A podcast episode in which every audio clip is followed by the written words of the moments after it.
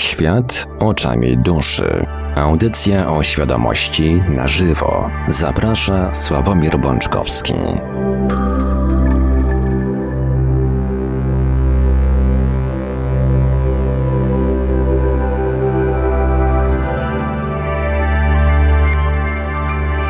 Wiosna w pełni nam nastała. Dzisiaj w mojej okolicy było jakieś 30 stopni w cieniu. Już się troszkę ochłodziło. Mamy godzinę 20.01 na, na moim zegarze, a to oznacza, że czas najwyższy rozpocząć kolejny odcinek audycji Świat oczami duszy, audycja o świadomości w całości na żywo. Przy mikrofonie za starami technicznymi audycji jak zawsze Marek Sękiewelios, a po drugiej stronie połączenia internetowe, internetowego jest z nami oczywiście jak zawsze gospodarz audycji Świat oczami duszy, pan Sławek Baczkowski. Dobry wieczór panie Sławku. Dobry wieczór panie Marku, kochani, witam was bardzo serdecznie. Tradycyjnie, zanim przekażę głos panu Sawkowi, pozwolę sobie przypomnieć kontakty do Radia Paranormalium. Co prawda, telefony będziemy odbierać w drugiej części dzisiejszej audycji, ale numery warto zapisać sobie już teraz. No i cały czas też można pisać, e, cały czas na e, kontaktach które zresztą też za chwilę podam. Numery telefonów to jak zawsze stacjonarne 32 746 0008, 32 746 0008, komórkowy 536 20 493, 536 20 493, skype radio.paranormalium.pl Można także do nas pisać na GG pod numerem 36 08 8002 36 08 8002. Jesteśmy także na czatach Radia Paranormalium na www.paranormalium.pl oraz na czatach towarzyszących naszym transmisjom na YouTube. Można nas także spotkać na Facebooku, na fanpage'ach Radia Paranormalium i pana Sławka Błączkowskiego, na grupie Radia Paranormalium oraz y, można także nam wysyłać maile na nasz adres e-mail radiomałpa-paranormalium.pl. A więc, panie Sławku, oddaję panu głos. Dziękuję panie Marku. Kochani, witam was bardzo serdecznie. My tak z panem Markiem mówimy dobry wieczór, dobry wieczór. A tu jeszcze w zasadzie możemy spokojnie mówić przez najbliższe kilka miesięcy dzień dobry, bo, mm, bo słoneczko jeszcze wysoko, jeszcze jest fajnie, jeszcze jest przyjemnie. Mam nadzieję, że u was również. Mam też nadzieję, że weekend, mm, który w Polsce błysnął właśnie piękną, taką wiosenną, prawie letnią pogodą. E, no, pozwolił Wam odsapnąć, odpocząć, naładować trochę akumulatorki.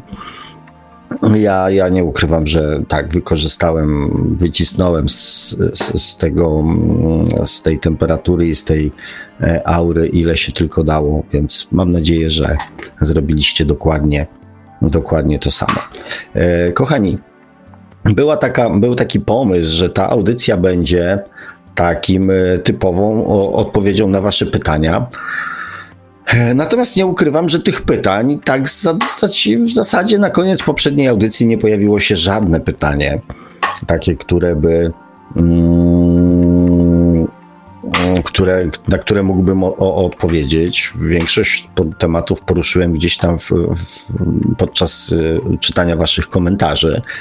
E, jest jeden temat bliźniaczych płomieni, e, który jest mi po pierwsze bliski memu sercu, a po drugie e, uważam, że też e, może rozpoczniemy nowy cykl m, kilku audycji poświęconych temu tematowi.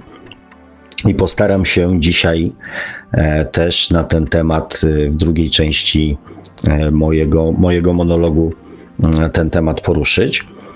Mm, ale mm, najpierw zrobię taki mały wstęp, bo łatwiej będzie wtedy mi przejść do tego tematu bliźniaczych płomieni. O czym dzisiaj chciałem z Wami porozmawiać? Chciałem dzisiaj z Wami porozmawiać o użytkowych aspektach świadomości. Takich jak świadomość wykorzystuje się mm, w codzienności? Jak ona się, jak ona wygląda, używanie świadomości? Mówię oczywiście o tej świadomości duchowej. E, jak to wygląda w praktyce?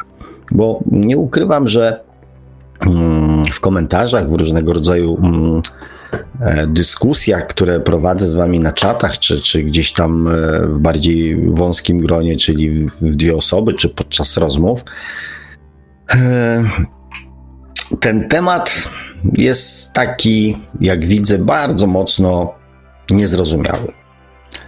I tak pomyślałem, że może warto by było, um, oprócz tych oczywiście filozoficznych, tych takich um, czasami rozdmuchanych przez niektórych walorów i zalet duchowości, czy tam rozwiniętej duchowości, czy oświecenia, czy wręcz jakiegoś tam przebudzenia duchowego, one są często takie napompowane, bardzo mocno patetyczne, to chciałem powiedzieć Wam o tym, jak ja to widzę i co też w moim e, życiu ta mm, zwiększająca się świadomość e, uczyniła, co pozwoliła mi osiągnąć, e, co pozwoliła mi zrobić, jak zmieniło się moje podejście do, e, do wielu różnych rzeczy, spraw, kwestii, emocji.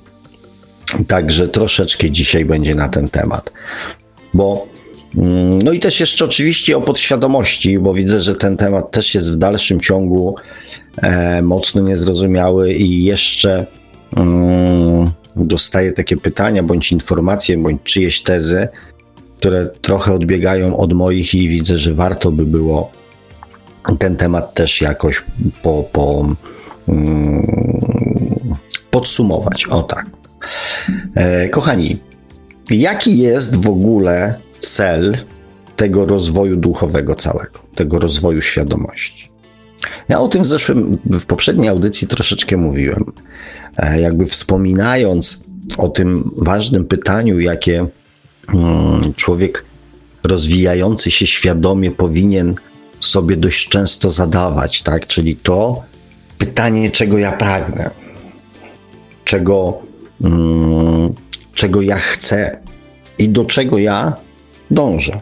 I na czym polega właśnie, jaki jest cel tego całego rozwoju duchowego? Zastanawialiście się kiedyś nad tym? Co to ma zmienić? Oczywiście hmm, większość ludzi twierdzi, że rozwój duchowy ma zmienić świat. Że jesteśmy w takim momencie, jakby naszego rozwoju, ewolucji, że mm, wchodzimy w nowy okres, w nowy etap. Dużo się o tym mówi, tak? Majowie tam podawali ten 2012 rok jako koniec pewnego etapu, a rozpoczęcie nowego. Mm, I, i, i okej, okay, tak? Że świat, że ludzie że życie na Ziemi ma wyglądać inaczej. Ja sobie tak myślałem kiedyś, że ja spokojnie w takim razie będę robił to, co robię i poczekam, aż ten nieprzyjazny dla mnie świat się zmieni. Bo jest to bolączka w pewnym sensie e, wielu ludzi, którzy posiadają tak jakby większą wrażliwość, większą empatię, większą, mm, większą duchowość, tą taką duchowość, nie religijność, tylko duchowość uprawiają w swoim życiu, oni najczęściej narzekają na to, że mm, mimo, że są dobrymi ludźmi, to ich życie wcale nie jest dobre, że wręcz przeciwnie, że ich dobroć jest bardzo często wykorzystywana. Więc tak mm, bardzo mocno uogólniając, świat, w którym żyjemy, czasy stworzone teraz przez ludzi, w których przyszło nam żyć teraz, parę lat wcześniej, nie są przyjazne i też bezpieczne dla osób e, rozwijających się duchowo, czy żyjącym w jakiś sposób według praw e, takich duchowych, czyli, czyli jakiejś dobroci, jakiejś szlachetności, jakiejś moralności, empatii, współczucia, e, czy wręcz miłości. I ja sobie pomyślałem, bo pewnie się domyślacie, ja też w swoim wewnętrznym przekonaniu uważam się za człowieka rozwiniętego duchowo. Pomyślałem, że skoro mają przyjść lepsze czasy, to ja sobie poczekam. Nie będę się teraz szarpał, będę tam robił swoje takie na minimum egzystencjonalnym, żeby tam coś i ja poczekam. I jak już ten świat, te czasy, to wszystko się zmieni i będzie dobrze, no to ja wtedy będę mógł sobie normalnie, fajnie i i spokojnie żyć, radośnie, szczęśliwie, bo świat wokół mnie będzie lepszy. No i taki miałem plan. I pewnie bym się go trzymał, gdybym z pewną trwogą i lękiem nie pomyślał o tym, że przecież nie jestem żadną wyjątkową osobą. I skoro ja na to wpadłem, że tak można zrobić, to przecież każdy człowiek może wpaść na ten sam pomysł. Przecież to nie jest takie skomplikowane. Po co się szarpać, po co się mordować? Lepiej poczekać. Niech przyjdzie ten lepszy czas. Rzekłbym nawet jest to logiczne. No i oczywiście później mm, rozmyślałem sobie o tym, że jeżeli wpadnie na ten pomysł 8 miliardów ludzi mm, na Ziemi, to jak ten świat ma się zmienić? Jak ma się stać, że będzie lepiej? Jak wszyscy ludzie postanowią poczekać, aż będzie lepiej. No i mm, powiem Wam szczerze, jedyny taki scenariusz, który wydawał mi się taki w miarę prawdopodobny i realny do zrobienia, to było przypomnienie sobie historii, historii przepowiedni z moich czasów szkolnych, chyba nawet podstawówkowych, kiedy ktoś na jakichś zajęciach, najprawdopodobniej na zajęciach z religii, opowiadał o końcu świata.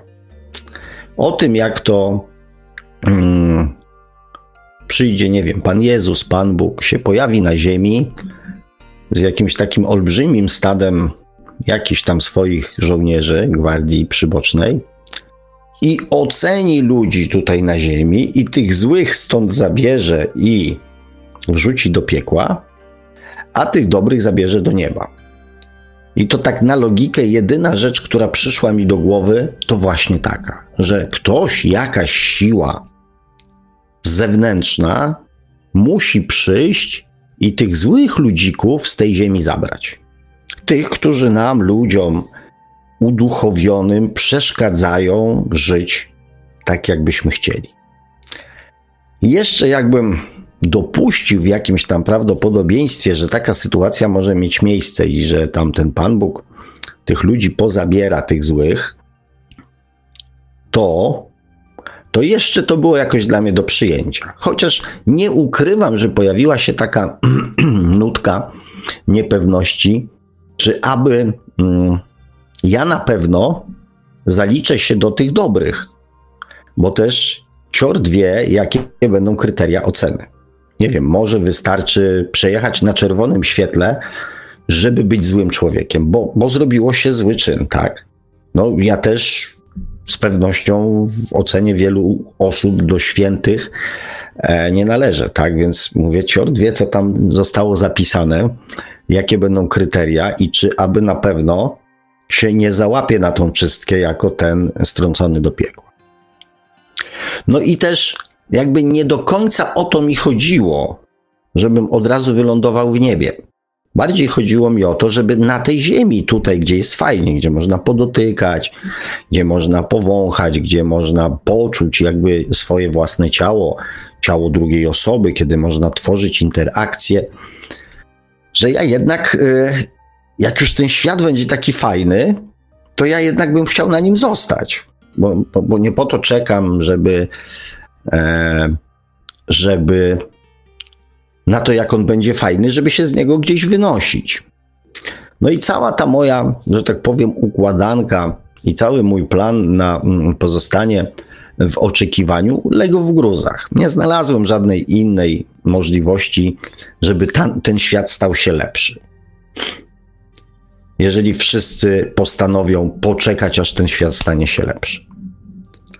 Oczywiście znacie mnie, więc e, mam nadzieję, że przynajmniej większość z Was e, ma świadomość tego, że nigdy taki proces myślowy się u mnie nie pojawił, ani też e, e nigdy takiej chęci poczekania, aż ten świat będzie lepszy, e, nie, nie, nie, nie, nie, nie, było. Mm, więc mówię to troszeczkę tak na zasadzie pewnej historii e, wymyślonej przeze mnie przed chwilą, po to, żeby pokazać Wam właśnie do czego, jaki jest cel rozwoju duchowego. Celem rozwoju duchowego jest to, abyśmy my się zmieniali, każdy z nas. Nie mówię, że tylko my, siedzący, e, e, że tak powiem, dzisiaj przed, e, przed i słuchający audycji w Radio Paranormalium, ale wszyscy ludzie na świecie. Żeby robiąc te mniej bądź bardziej powolne kroki do przodu w rozwoju swojej świadomości duchowej, żebyśmy my się zmieniali. Bo tylko zmiana nas może zmienić świat. To nie jest tak, że mm, my już jesteśmy dobrzy i my się nie musimy zmieniać. My nie musimy nic nowego do swojego życia mm, emocjonalnego wnosić. Że mają się zmieniać tylko ci, którzy nam przeszkadzają, którzy, których my uważamy za złych, których e, my uważamy za tych, którzy nam przeszkadzają w byciu tym, kim chcemy. Wszyscy ludzie, w zależności od jakby miejsca, w którym są, się cały czas zmieniają, bo nawet trwanie z uporem maniaka w jakimś doświadczeniu w końcu nas zmieni.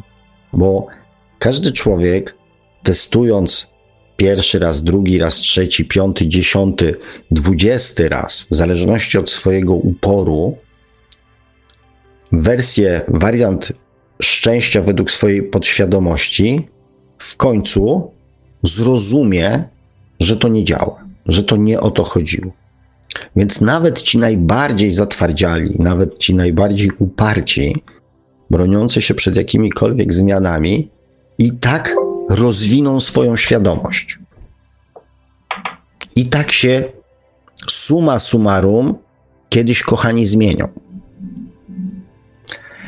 Więc ten proces dokonywania zmian każdego człowieka trwa cały czas, tak jak mówiłem. To nas w żaden sposób nie wyróżnia z tłumu dokonywanie zmian w swoim życiu.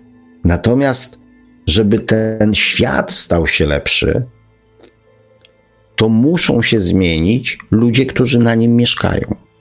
On nie zmieni się sam z siebie.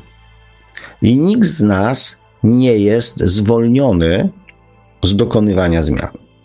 Nikt z nas nie osiągnął takiego poziomu tutaj na Ziemi, żeby nie musieć dokonywać zmian w swoim życiu.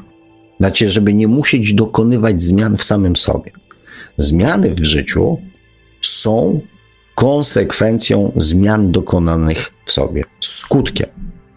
I wiecie, to jest też dla mnie takie. Mm, nie wiem, jakiego słowa tutaj użyć.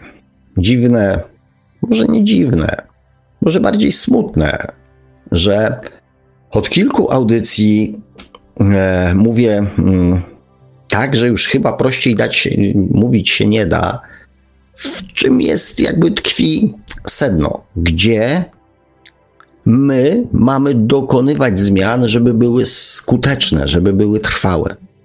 Wskazuję palcem, nazywam po imieniu i wiecie co? Nikt nie zadał mi pytanie, jak to zrobić. Nie padło ani jedno pytanie, jak to zrobić. O czym to świadczy? Myślę, że na to pytanie każdy z Was musi sobie odpowiedzieć sam.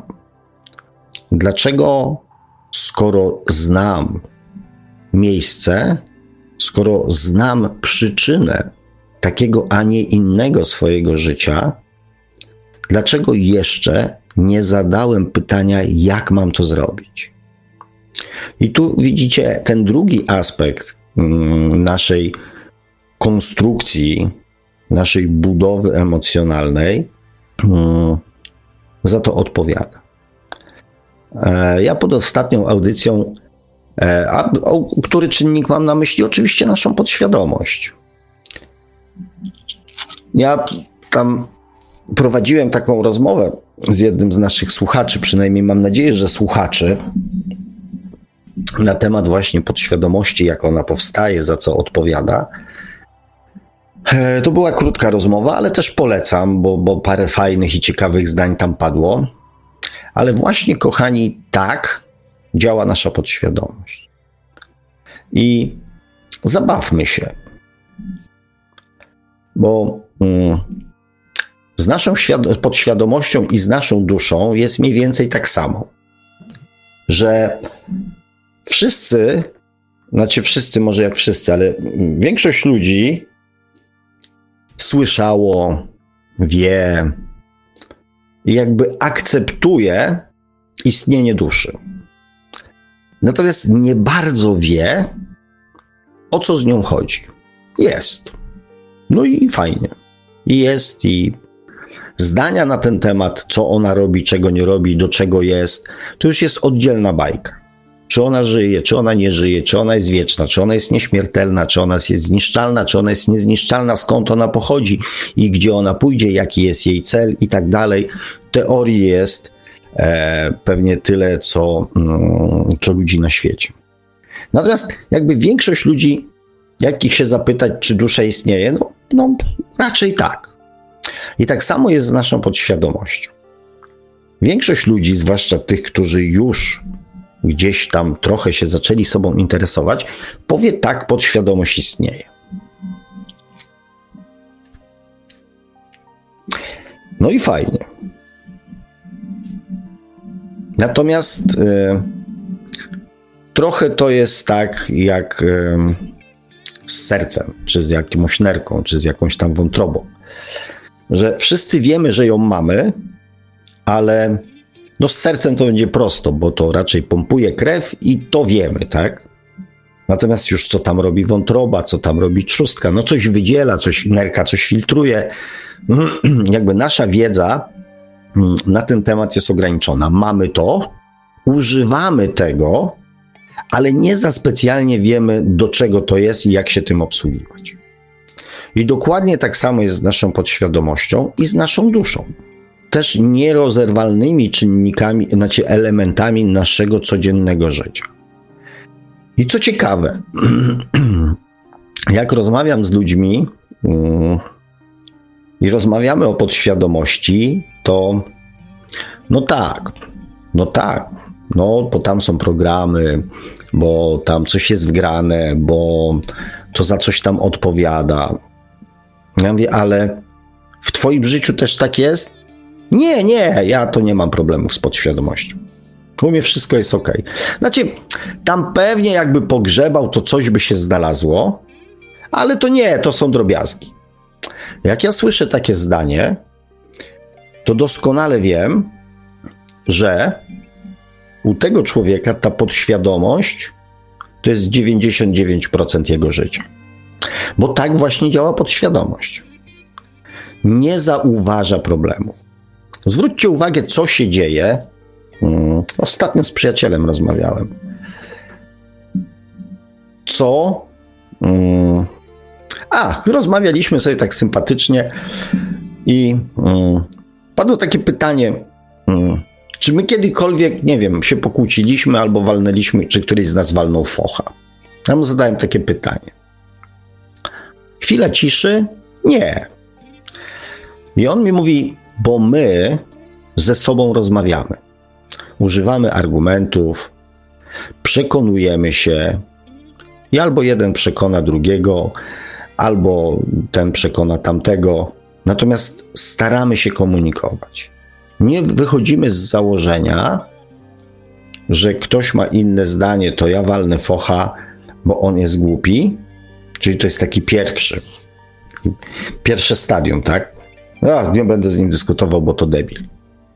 Ludzie już tacy bardziej rozwinięci podejmują chęć rozmowy. I to, co padło kluczowe w wypowiedzi mojego przyjaciela, to jest starają, staramy się siebie przekonać, używając argumentu. Czyli ja twierdzę, że ja mam rację, druga strona twierdzi, że ona ma rację. Tak działają dwie podświadomości. I jedna ma rację, i druga ma rację. I teraz te podświadomości w swoim przekonaniu o swojej nieomylności starają przekonać się drugą podświadomość, że nie ma racji. Czy y, widzicie w tym y, sens? Zastanówcie się, ile e, takich rozmów i takich dyskusji przeprowadziliście w swoim życiu. E, zwróćcie uwagę, co się dzieje na przykład na, mm, na czatach, nawet tych naszych e, audycyjnych. Pojawia się jakiś aspekt, i każdy, znaczy każdy, każdy, kto bierze udział w tej dyskusji, przedstawia swoje racje i stara się przekonać drugą osobę, czy wręcz mnie, o tym, że, mm, że jego pogląd jest słuszny, ponieważ w jego przekonaniu on jest słuszny. I na przykład, mm, no, pewnie, że mi jest przykro. Nasz jeden y, y, słuchacz obraził się na mnie e, ostatnio, bo już zeszliśmy jakby z rozmów mm, takich oficjalnych, tylko już zaczął pisać do mnie e, prywatnie. Więc ja już w swoim, że tak powiem, prywatnym czasie e, starałem się mm, na jego pytania nurtujące, a było ich dużo, odpowiadać. E, I napisałem takie zdanie, że mm, nie wyciągnął wniosków, jakby nie zrozumiał tego, co ja mówiłem w, w którejś tam audycji, też co ja mówiłem e, podczas wątku, który on gdzieś tam w, pod jakąś audycją uruchomił i, i ten wątek się tam dział, gdzie ja tam wprost napisałem o pewnych, e, o pewnych rzeczach. I mm, przekonywał mnie do swojej wizji zachowań, reakcji, podejścia i tak dalej, że moja jest niesłuszna. I kochani, wracając do Was, pomyślcie, ile takich dyskusji przeprowadziliście w swoim życiu i mm, jaki był cel tych dyskusji, jaki był sens tych dyskusji i jaki był skutek tych dyskusji. Oczywiście, w rozmowach często ludzie inteligentni na skutek pojawiających się argumentów przyznają rację drugiej stronie. Tak. Da się na poziomie mentalnym przekonać drugą osobę, że może nie, nie, nie tyle, że w ogóle nie ma racji, ale że, mm, że ktoś ma większą rację. Da się. Natomiast moje pytanie brzmi, czy to coś zmienia przekonanie drugiej osoby, czy coś zmienia w jego życiu? Nie. W 90 pewnie paru procentach nie. Ponieważ rozmowa i przyznanie racji na poziomie mentalnym nie zmienia naszych emocji. Znacie doskonale te rozmowy z, ze swoimi, nie wiem, przyjaciółmi, koleżankami, e, mężami, żonami, partnerami. O dzieciach nie wspominam, rodzicami, tak? Kiedy używacie argumentów, przedstawiacie racje, na, nie wiem, logiczne, medyczne, naukowe, matematyczne, e, ideologiczne, tak? I na koniec tej rozmowy ktoś mówi: No tak, masz rację. No masz rację, nie? Czy stwierdzenie, że ktoś ma rację, powoduje to, że on drugi raz czegoś takiego nie powie, albo drugi raz tak nie zareaguje, albo drugi raz się tak nie zachowa? Nie.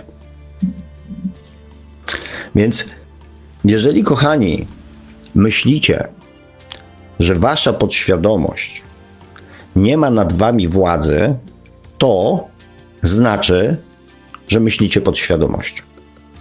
Bo ja swojemu przyjacielowi powiedziałem Mówię, słuchaj, jest jeszcze trzeci scenariusz. Można walnąć focha, można się spierać i nawzajem przekonywać. Jest trzeci scenariusz. Pomyślcie, kochani, jaki może być trzeci scenariusz. I od razu Wam powiem, ten trzeci scenariusz jest dostępny dla ludzi z dużą świadomością duchową. To jest aspekt użytkowy rozwiniętej świadomości duchowej, którą wykorzystujemy w życiu. Trzeci wariant, trzeci scenariusz, trzecia możliwość jest taka: ok, mamy różne zdania. Nie musimy siebie przekonywać. Fajnie, poznałem Twoje zdanie, a ja poznałem Twoje. Super. Ja sobie nad tym pomyślę, przemyślę, zastanowię się. Ale szanuję to, że masz inne zdanie. I nie staram się Ciebie przekonywać, że ja mam rację, a Ty tej racji nie masz. W kilku audycjach padło takie stwierdzenie, że ja nie jestem przekonywujący, bo ja nie zamierzam nikogo przekonywać. I nie dlatego, że nie zamierzam, bo mi się nie chce, tylko nie zamierzam, bo to nie działa. Bo rozwój duchowy, rozwój świadomości to jest przekonywanie się samemu poprzez doświadczenia. I jeżeli jest w Was przekonanie, że trzeba coś komuś, że trzeba kogoś przekonywać do czegośkolwiek, czy w rozmowie trzeba udowadniać swoją rację albo udowadniać nierację drugiej osoby, to niech wam się od razu zapala czerwona kontrolka, że to właśnie działa wasza podświadomość. Ponieważ świadomość duchowa daje możliwość jakby uruchomienia trzeciego wariantu. Mamy różne zdania. Bardzo często można to zaobserwować w momencie, kiedy ludzie na przykład, y, ja to pisałem pod kilkoma audycjami w różnych miejscach, że wyrażenie swojego zdania nie musi być od razu krytyką osoby drugiej. Czyli słyszymy coś i mamy podświadomość, jeżeli nasz pogląd na tą sprawę jest inny, natychmiast uruchamia proces pod tytułem Ja się z tym nie zgadzam, czyli ja mam rację, a ta osoba, która to wypowiedziała, jest głupia. Ponieważ ma inne zdanie, czyli nie ma racji. Bo racja jest tylko jedna, moja. To jest kolejna rzecz, kiedy można za. Znaczy, ja to widzę, tak? Kiedy, kiedy człowiek e, czytając na przykład, nie wiem, słuchając kogoś, przełącza się na tryb niezgadzania się, ale poprzez wyrażanie swojego zdania krytykuje drugą osobę. Użytkowa i codzienna przydatność świadomości duchowej na dość wysokim poziomie pozwala po prostu wypowiedzieć swoje zdanie, nie krytykując jednocześnie naszego przedmówcy. I to są takie, powiedzmy, dwa czy tam trzy przykłady, jak działa nasza podświadomość.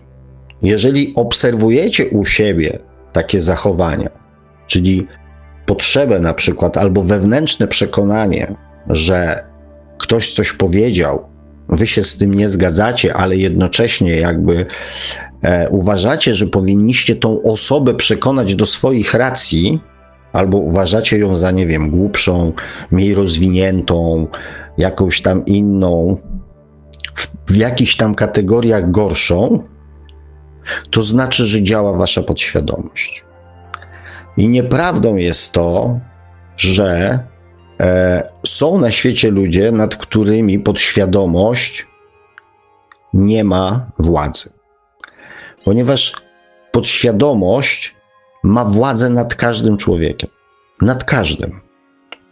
Podświadomość jest naszym instynktem. Tak, kochani. podświadomość nie jest kwestią wyboru, decyzji czy czegokolwiek innego. Podświadomość jest instynktem, nad którym tak na dobrą sprawę nie mamy władzy.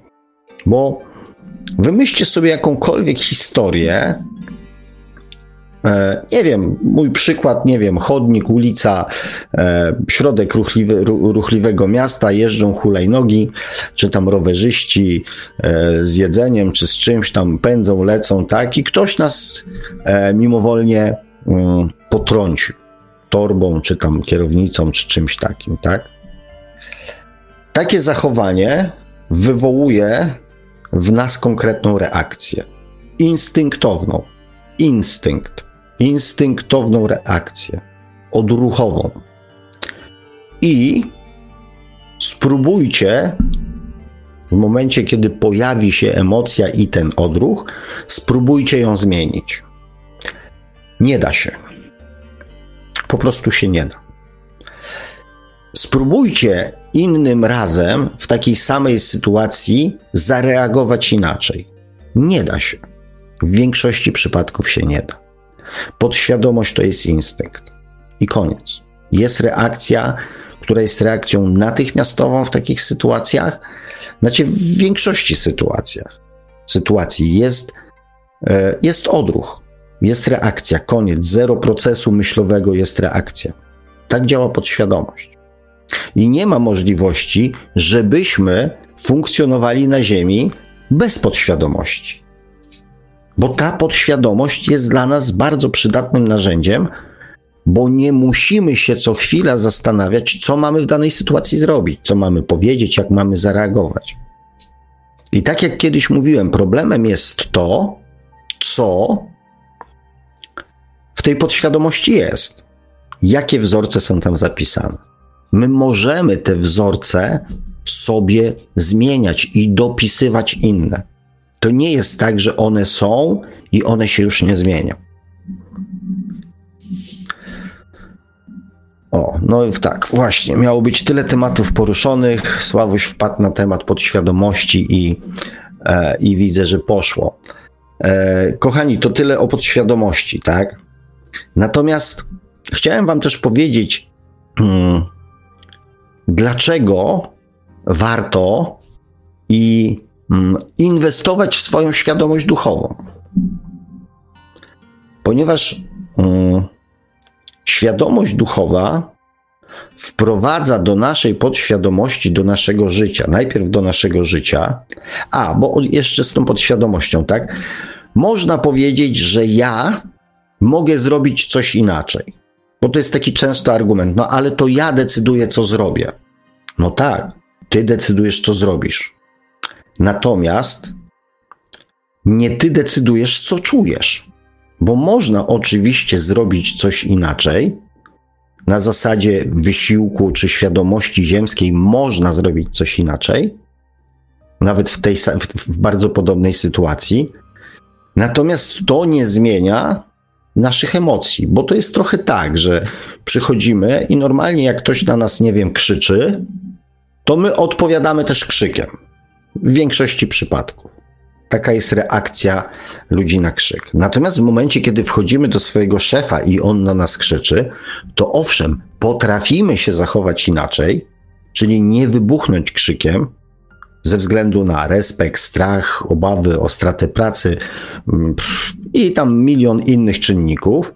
Potrafimy powstrzymać się od krzyku, ale to nie znaczy, że nie mamy potrzeby krzyczenia. Więc owszem, za nasze zachowania możemy odpowiadać, możemy je zmieniać, ale swoich emocji nie. Świadomość, duchowa świadomość daje dodatkowe narzędzia. Dodat daje dodatkowe możliwości, dodatkowe opcje zachowania i postępowania. To jest bez wątpienia użytkowa zaleta, e, codzienna użytkowa zaleta naszej duchowej świadomości. Bo tak jak podświadomości używamy w każdej sytuacji naszego życia, w każdej, Za każdym razem, kiedy podejmujemy jakąś decyzję czy reakcję, uruchamia się nasza podświadomość. I ona działa według utartych szlaków, według utartych wzorców, według utartych reakcji. I tak jak mówiłem w poprzedniej audycji, ona sama z siebie się nie zmieni.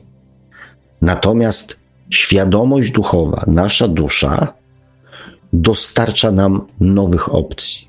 Tak jak nasza podświadomość zna dwa warianty prowadzenia rozmowy, czyli albo foch i jesteś debilem, oczywiście bardzo upraszczając, tak?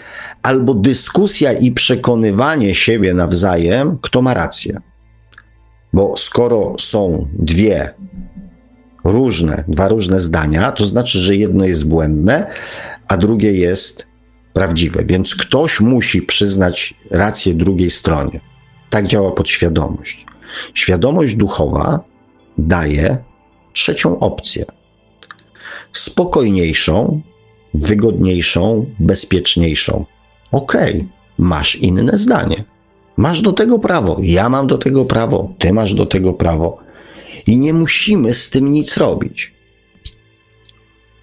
Nasza duchowa świadomość dostarcza do um, naszego codziennego życia. Bo w tym momencie, kiedy reaguje nasza podświadomość, to w tym samym momencie może zareagować nasza dusza. Mało tego, ona chce zareagować w tym samym momencie. Chce nam podsunąć trzeci, czwarty, piąty, szósty, inny wariant zachowania. Tylko, że nasza e, dusza nie jest taka narwana jak nasza podświadomość. Nasza podświadomość, która jest instynktem, nie pozostawia nam żadnego, że tak powiem, e, wyboru w reagowaniu. Tak, nasza dusza, tak. I, mm, i mm, tych opcji pojawia się e, z naszej duszy w naszym codziennym życiu całe mnóstwo. Też rozmowa na temat dzieci. Mm, ja mówię też tam jednemu ze swoich przyjaciół, mówię, słuchaj, e, życie nie tylko po to jest, żeby spędzać je w pracy, w moim przekonaniu. I e, twoje dzieci nie potrzebują tylko pieniędzy, które zarobisz, ale potrzebują też ojca. Wiem, bo z perspektywy jakby moich dorosłych już córek, e, chciałbym tego czasu, gdybym mógł cofnąć czas, poświęcić im jeszcze więcej.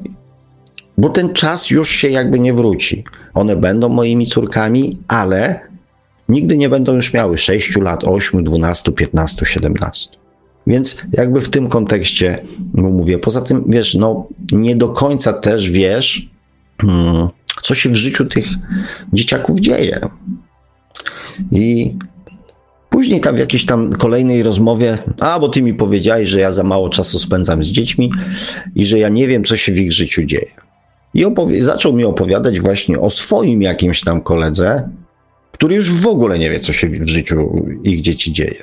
No a ja to wiem to, ja wiem to, ja wiem tamto. I to jest E, oni między sobą dyskutowali, dawali sobie rady i tak dalej, i tak dalej. Przekonywali się, który z nich ma rację. Ja mówię, przyjacielu, mm, wiedzieć, co się dzieje e, w życiu dziecka, to wcale nie oznacza wiedzieć i rozumieć, co ono czuje wtedy, kiedy coś się dzieje w jego życiu. I to jest Znowu kolejny subtelny, e, subtelna różnica, którą możemy dostrzec, mając e, uruchomiony tryb korzystania z zasobów e, wiedzy mm, swojej własnej duszy, swojej własnej duchowej świadomości. Pojawiają się nowe opcje myślenia, reagowania, postrzegania, patrzenia na pewne rzeczy. Nowe, zupełnie jakby, e, może nie zupełnie, ale jakby w dużej mierze uzupełniające reakcje naszej podświadomości. Jak to się przekłada mm, na nasze codzienne życie? Powiem to właśnie na e, przykładzie tych bliźniaczych płomieni, o które było pytanie, e, kim są, kim są bliźniacze płomienie.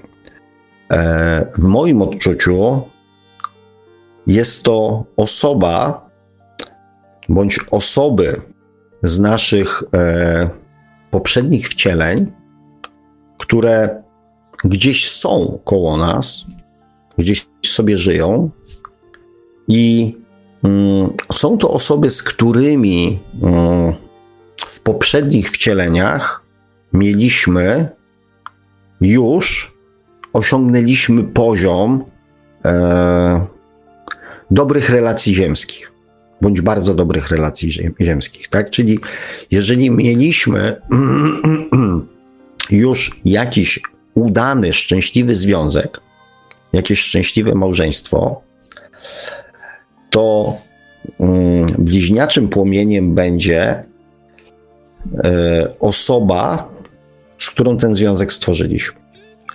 Ważne jest to, ponieważ bliźniacze płomienie to są też osoby na podobnym poziomie rozwoju świadomości. Ponieważ, tak jak Wam mówiłem, związki i relacje międzyludzkie, zwłaszcza związki, dzielę na mm, tak zwane edukacyjne i partnerskie. Tylko oczywiście rozwinę tą myśl, ponieważ to nie ma aż tak bardzo wiele wspólnego z tym, co z partnerstwem, które rozumiemy w sposób właśnie taki ziemski e, i też edukacją e, w taki sposób e, ziemski, tak? Ponieważ edukacja najczęściej kojarzy nam się z sytuacją, w której jest uczeń i nauczyciel. Natomiast w związkach edukacyjnych obydwie strony są do siebie i uczniem, i nauczycielem. Po prostu mm, w momencie, kiedy mm, spotykają się dwie podświadomości, różne podświadomości, każda z nich wnosi jakąś mądrość, jakąś umiejętność, której bardzo często brakuje właśnie drugiej stronie. I poprzez mm, różnice i te przekonywanie się dwóch podświadomości, istnieje szansa, że powstanie trzeci wariant postępowania i zachowania.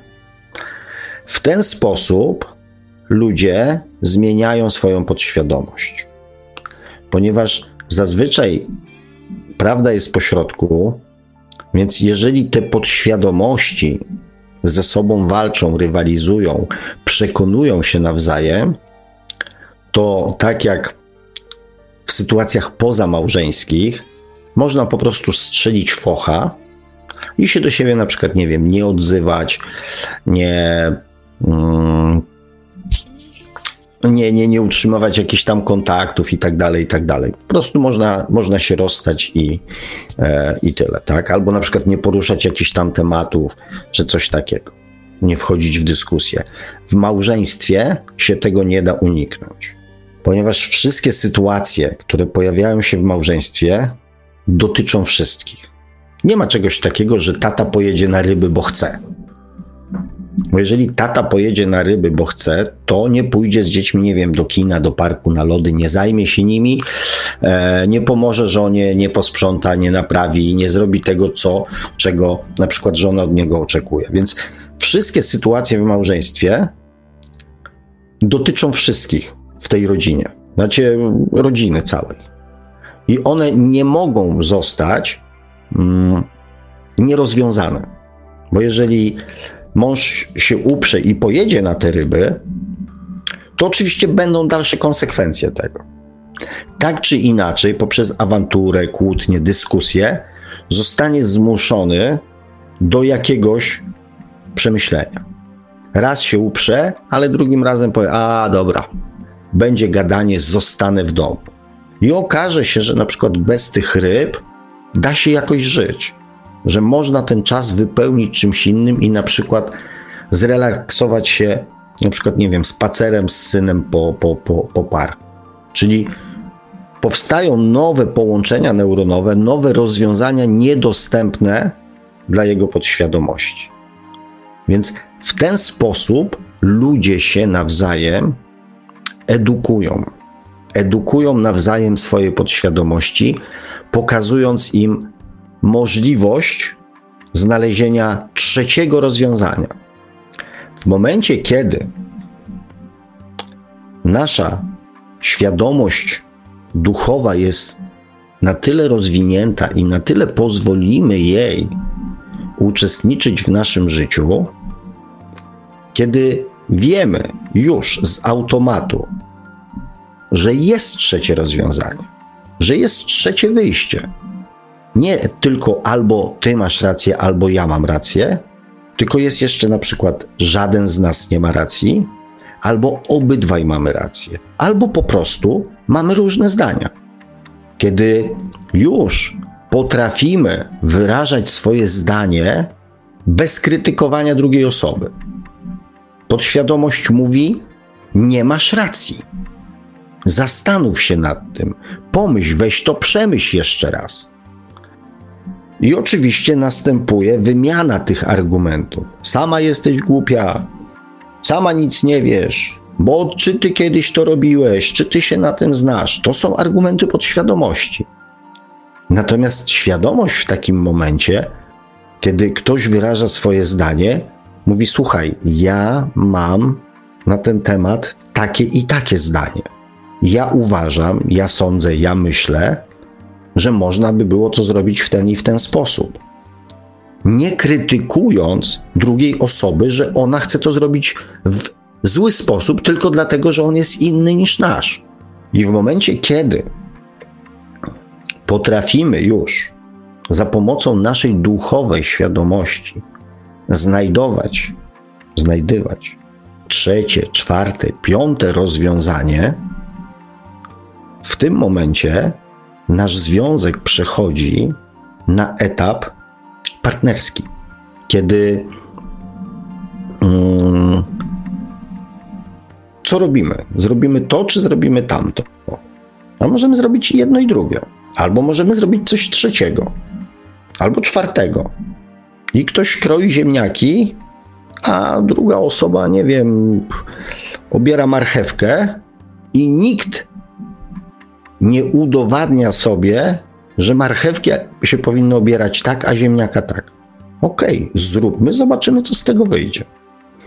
Wtedy, jeżeli jesteśmy już gotowi, my, bo to my musimy być, kochani, gotowi. Ja, ty, on, ona. Na przyjęcie bliźniaczego płomienia do naszego życia, do naszego związku, to wtedy on się może pojawić. Ale on się nie pojawi do tego momentu w naszym życiu, dopóki e, my będziemy próbowali udowadniać swoją wyższość. Kiedy nie nauczymy się dostrzegać trzecich, czwartych, piątych możliwości, kiedy zaczniemy dopuszczać do podejmowania decyzji naszą duszę, wtedy jest szansa na pojawienie się bliźniaczego płomienia w naszym życiu, po to, aby stworzyć związek nie oparty na wzajemnym edukowaniu się, tylko na partnerstwie i cieszeniu się robieniem czegokolwiek. Mówię o tym z pełną świadomością, ponieważ doświadczam takiego związku. I dlatego wiem, jak to wygląda w praktyce. W momencie, kiedy przestajemy ze sobą walczyć, kiedy zabieramy tą władzę podświadomości, że jest tylko jeden, jedyny scenariusz, który jest prawdziwy, i to jest mój scenariusz. I dotąd będę się z kimś boksował, dotąd będę kogoś przekonywał, dotąd będę udowadniał swoje racje, aż tą osobę przekonam, to do momentu, dopóki tak postępujemy, to będziemy prowadzili relacje edukacyjne.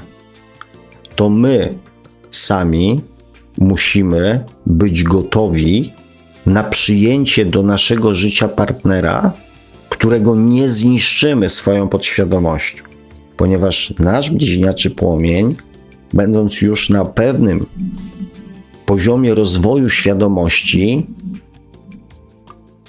będzie osobą tak samo wrażliwą jak my, tak samo, e, tak samo wrażliwą jak my. Jeżeli będziemy funkcjonowali na zasadzie podświadomości, to tą osobę zniszczymy. Bliźniaczy płomień w naszym życiu może pojawić się dopiero wtedy, kiedy otworzymy się na inny rodzaj relacji z drugim człowiekiem. A inny rodzaj relacji z człowiekiem, z jakimkolwiek człowiekiem, kiedy przestajemy walczyć i mówić do niego podświadomością i rozmawiać z jego podświadomością, kiedy już wiemy, że różnica zdań nie oznacza mojej mądrości i głupoty drugiego człowieka, tylko oznacza różnicę zdań. I że można się cieszyć z przebywania i robienia czegokolwiek i patrzenia, jak ktoś robi to inaczej niż my, to jeżeli tego, tej otwartości w sobie nie stworzymy, to nie doświadczymy bliźniaczego płomienia i też nie doświadczymy e, takich prawdziwych relacji e, z drugim człowiekiem. A to, moż, to jest możliwe tylko wtedy, kiedy e, stworzymy warunki dla naszej duszy, dla naszej świadomości, do działania, do mówienia, do przekazywania nam swojej mądrości i pokazywania innych scenariuszy. A jak wiecie, jaka jest kolejność? Miłość do samego siebie, osiągnięcie wewnętrznego spokoju i kierowanie się wtedy, wytwarzanie w sobie miłości i kierowanie się w życiu miłością i prawdą. I tak naprawdę to jest właśnie cel rozwoju duchowego, żeby każdy człowiek na Ziemi potrafił kochać samego siebie, żeby potrafił osiągnąć spokój, żeby potrafił wytwarzać w sobie miłość i aby się kierował w życiu miłością i prawdą. I aby w naszej podświadomości właśnie były nie wzorce nasze takie ziemskie, tylko żeby były właśnie wzorce e, miłości i prawdy. E, no dobrze, kochani, i oczywiście wiecie, ale powtórzę, tego, tych bliźniaczych płomieni, czy w związkach, czy w przyjaźniach, czy e, w jakichkolwiek relacjach, nawet rodzić dziecko, życzę Wam jak najwięcej. tylko pamiętajcie, że to każdy z Was musi się wewnętrznie zmienić i wewnętrznie na to otworzyć i wewnętrznie na to przygotować. Inaczej to się nie wydarzy. No dobrze, kochani. Yy, rozgadałem się, przepraszam Was, ale przynajmniej mam nadzieję, że e, przynajmniej mam nadzieję, że przekazałem jakieś e, kilka chociaż cennych e, i ważnych informacji które przydadzą się Wam w życiu, e, tym duchowym, jak również tym codziennym. Mm, panie Marku, mm, proponuję w takim razie przerwę, bo widzę, że komentarzami tak się zagadałem, że nie widziałem, co się dzieje. Komentarzy trochę przybyło, sypnęło, więc, więc róbmy chwilę przerwy mm, i wrócimy do telefonów i oczywiście do, do czytania komentarzy. Przerwa potrwa dokładnie 4,5 minuty z paroma sekundami. Zabrzmi nam utwór takiego artysty, który już e, parę razy się w przerwach w tej audycji pojawiał. Cash, kompozytor muzyki z pogranicza ambientu, popu i elektro elektroniki i czegoś tam jeszcze. Bardzo ładnego, bardzo ładnie brzmiącego. Utwór zatytułowany Rebels A my powracamy do audycji Świat oczami duszy już za 4,5 minuty.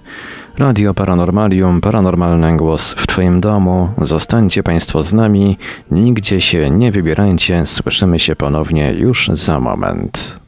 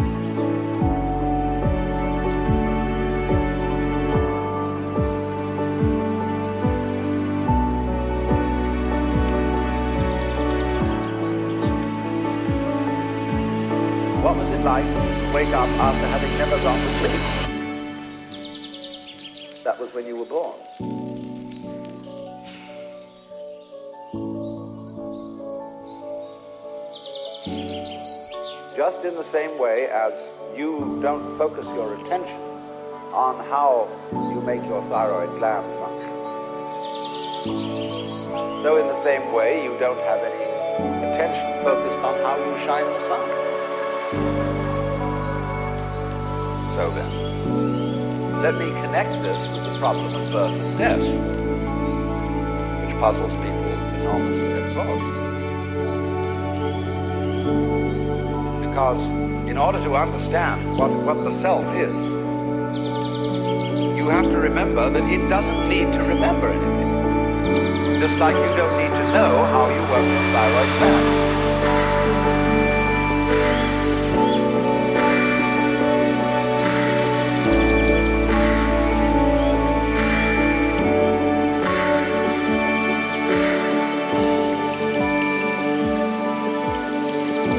So then, when you die, you're not going to have to put up with everlasting non-existence because that's not an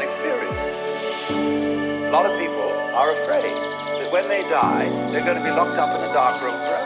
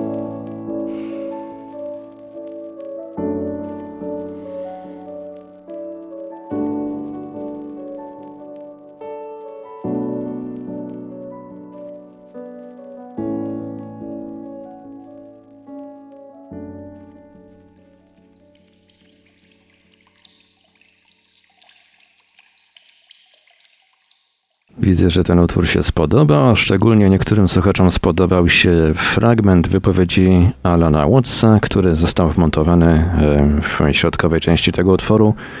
E, jakby ktoś szukał, przypomnę, to jest utwór skomponowany przez e, Cash i nosi tytuł Rebirth.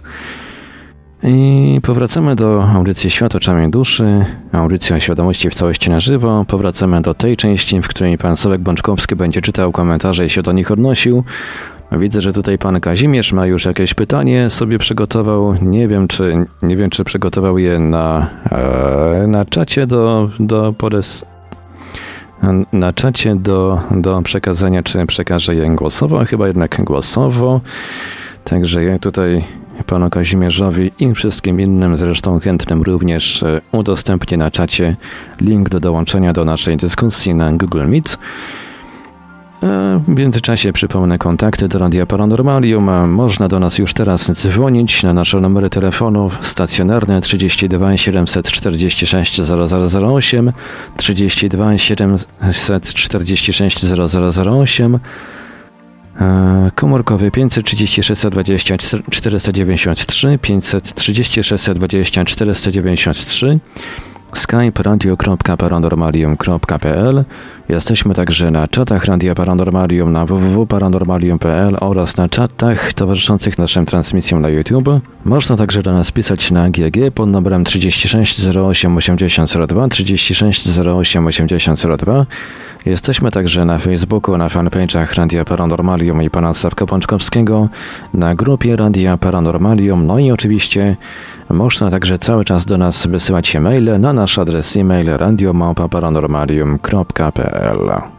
Dziękuję panie Marku. W oczekiwaniu na telefony E, z chęcią przekażę przywitania i pozdrowienia od naszych słuchaczy. Jan Nowak, Malwinka się pojawiła, podróże z Degórką, pan Kazimierz właśnie, Guten, tak, pisze tym razem e, w innym języku, Jobro, e, pisze, jest nas coraz więcej, mm, z uśmieszkiem, ja też się bardzo cieszę.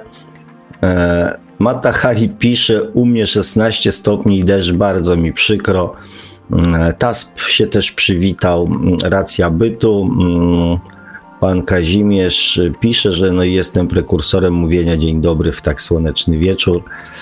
E, Miss Metal Detector 21 stopni melduje, to pięknie. A pan Kazimierz napisał u mnie też poniedziałek. Szymon Wiśniewski się przywitał. I pan Kazimierz pisze tak, w sumie czekanie to obecnie jedyny sposób na podróż do przyszłości. E, faktycznie problemem w tym, że czekając nie mamy na nią jednak e, wpływu. No właśnie, cieszę się, że, że się zgadzamy. E, Maryla Okonek napisała: Witam i pozdrawiam, życzę miłej nocy. I Maryla pisze tak. Mniej jest już wszystko jedno. Ja nerwowa, szkoda gadać. Babcia E, e, to, do, to przeczytam tylko do końca ten komentarz i już e, widzę, mm, wracam do rozmowy z panem Kazimierzem, bo widzę, że się dołączył. E, mnie już wszystko jedno, ja nerwowa, szkoda gadać, babcia nie widzi, dziadek nerwowy, ja już mam e, dość takiego życia, Bóg mnie wystawia na różne fronty, już nie mam sił, mam załamanie nerwowe, łatwo się mówi, jak się e, jak ma się niewidomą, nikt mi nie wierzy, jak mówię o duszy, nikt mi już nie wierzy. Teraz mam dziś niezałam, niezałamanie nerwowe, przepraszam, ale czasami mam źle się urodziłam. Eee, tu jest jeszcze dalszy ciąg tego komentarza. Niech się ktoś za mnie pomodli, bo już mam dość, że wszystko mi źle idzie. Odsuwam innych od siebie, nie wiem czemu. Panie eee, Kazimierzu, ale ja mógłbym prosić o wyciszenie mikrofonu na chwilkę jeszcze. Um, ja już nie wierzę, ludzi rozumiesz, mi już wszystko bzydnie, każdy radzi jak może, ale nic nie daje. No dobrze, to jest. Yy to zaraz się odniosę do tego, zanim nam pan Kazimierz się tutaj za, e, zaklika. E, witam panie Kazimierzu.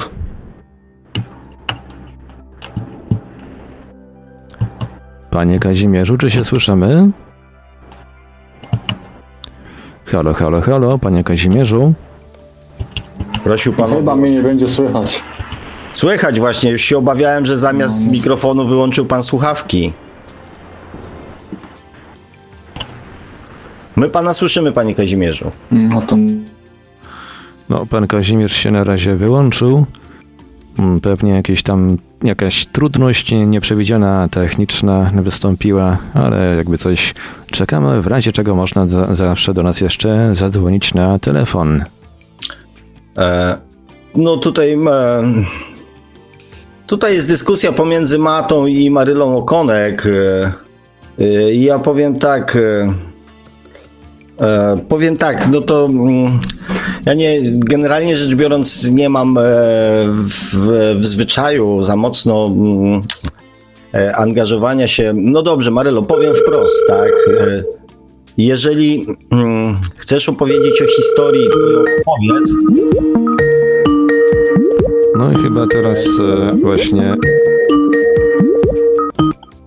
Mm, chyba mamy Dobry wieczór. Dobry wieczór. Mamy dwóch słuchaczy teraz na antenie. Taka ciekawa chciałam, sytuacja. Właśnie słucham waszego radia i bardzo mi się to radio podoba. A jestem, mam na imię Monika. Witamy pani No Moniko. tak, wie, poznaję po głosie już pani Moniko, witam serdecznie.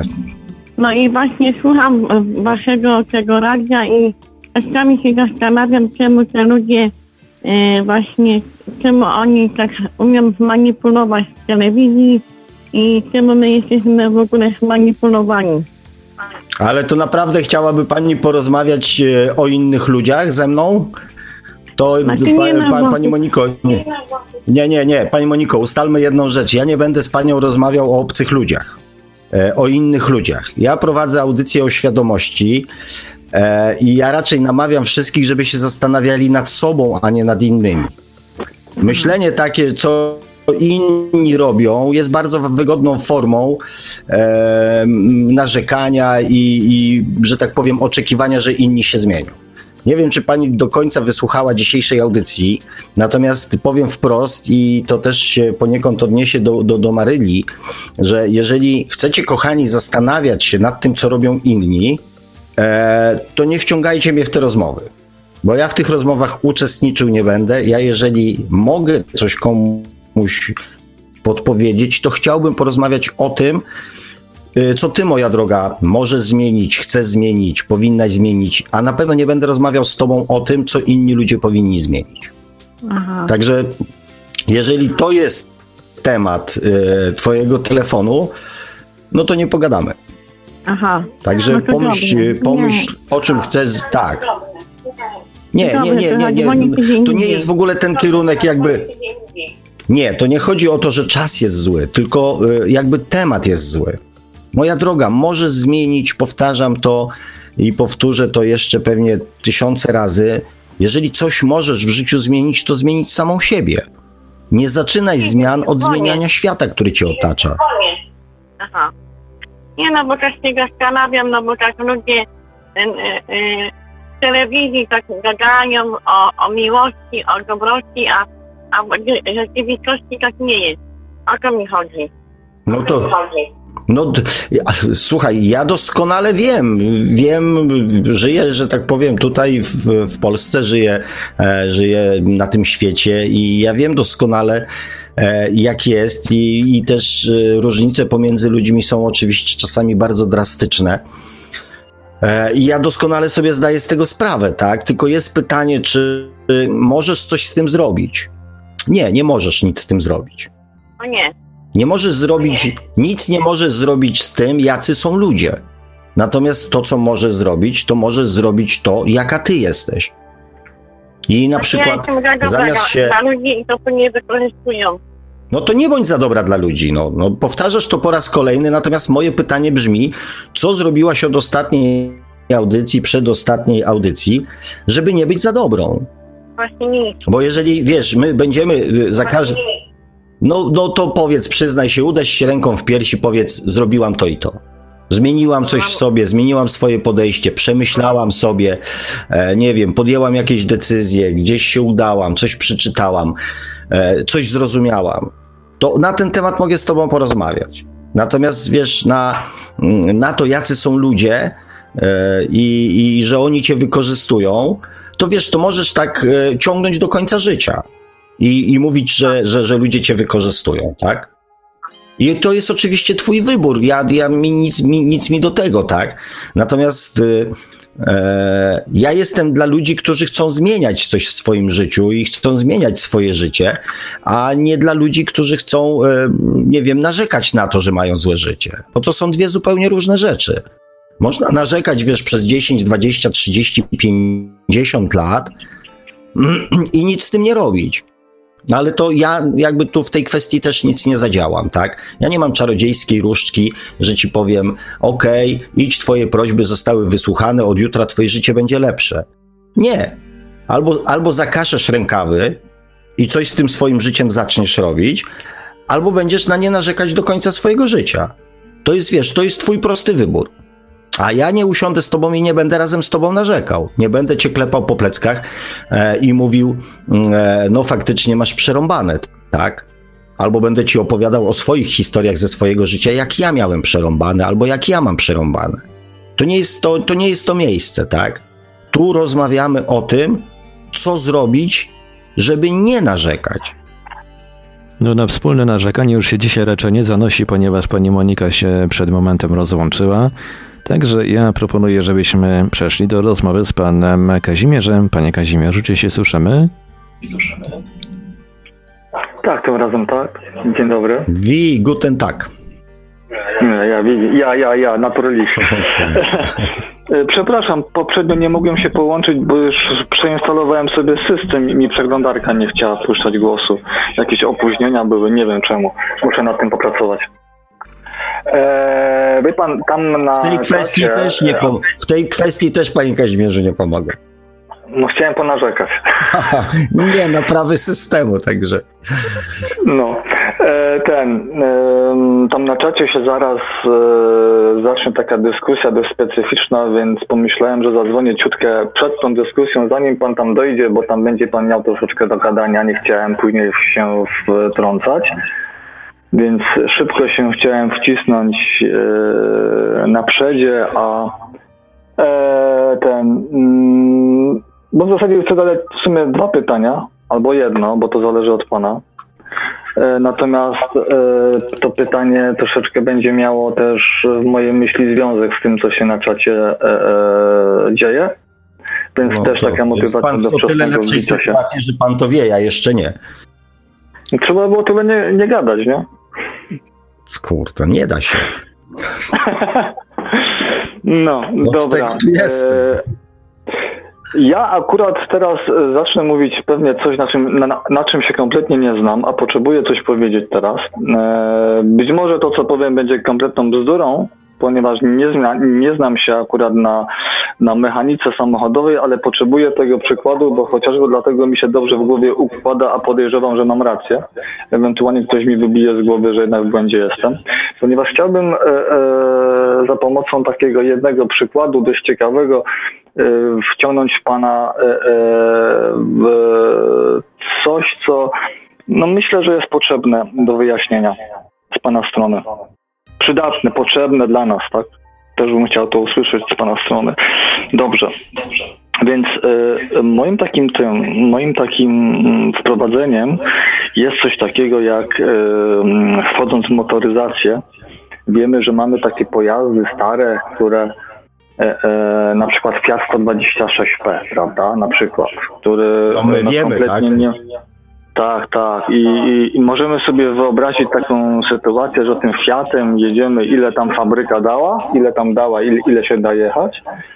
No i w pewnym momencie próbujemy tym e, Fiatem zahamować, tak? Tym Fiatem 126P. W momencie hamowania takim Fiatem dzieje się coś takiego, że po pierwsze jest ha oczywiście hamowanie, ale blokuje się kierownica momentalnie przy ostrym hamowaniu następuje zablokowanie kierownicy. Nie jesteśmy w stanie tą kierownicą praktycznie ruszyć ani w lewo, ani w prawo. No i nie wynika, nie wynika to z żadnego mechanizmu, jak rozumiem, tylko zakładam, że tutaj po prostu chodzi o, o stricte fizykę, to znaczy ciężar prędkości, ciężar, cięż, yy, środek ciężkości pojazdu się przenosi ku przodowi, koła przednie się wciskają w beton i poruszyć tymi kołami jest wyjątkowo ciężko, tak jak przy stojącym samochodzie. No i teraz dochodzimy do czegoś takiego jak do ABS-u. Wiem, ktoś, kto się nie interesuje, e, ja się kompletnie nie interesuję mechaniką samochodową, aczkolwiek myślę, że to, co mówię, zaskoczy. Ponieważ dochodzimy do ABS-u. Do ABS-u, czyli do takiego systemu, który wspomaga to hamowanie i jednocześnie zapobiega blokowaniu kierownicy, dzięki czemu jednocześnie hamując jesteśmy w stanie ominąć przeszkodę. To normalnie jest niemożliwe. Jest to hamowanie pulsacyjne i jednocześnie pozwala nam na kręcenie kierownicą i przy okazji zapobiega wpadnięciu w poślizg, bo samochód taki mógłby zrobić nawet bączka. I teraz, czy pan, panie Sławku, zgodziłby się z taką wstępną tezą, to jest pierwsze pytanie moją, że moglibyśmy słuchanie naszej własnej duszy, to co nam dusza podpowiada, porównać do takiego systemu ABS. Już odpowiadać? Tak. Tak. Tak. Tak myślałem. I dla, dlaczego to pytam? Ponieważ tutaj widzę pewną potrzebę. Jest taka, są tacy ludzie, którzy mówią, jeszcze są tacy ludzie. Jeszcze jest taka, niektórzy ludzie mają taką ciągle tendencję. Ja tam ABS-u nie chcę, bo chcę mieć kontrolę nad pojazdem, bo wolę mieć kontrolę nad pojazdem. I teraz jest tutaj to, że jednak e, wpływ duszy na nas może być postrzegany jako odebranie kontroli nad naszym życiem. I chciałbym pana prosić i zapytać, czy mógłby pan ten wątek e, od tej właśnie strony E, tej tendencji właśnie poruszyć, rozwinąć, niekoniecznie teraz, bo ja nie wiem, e, czy na jaką minę pana wciskam.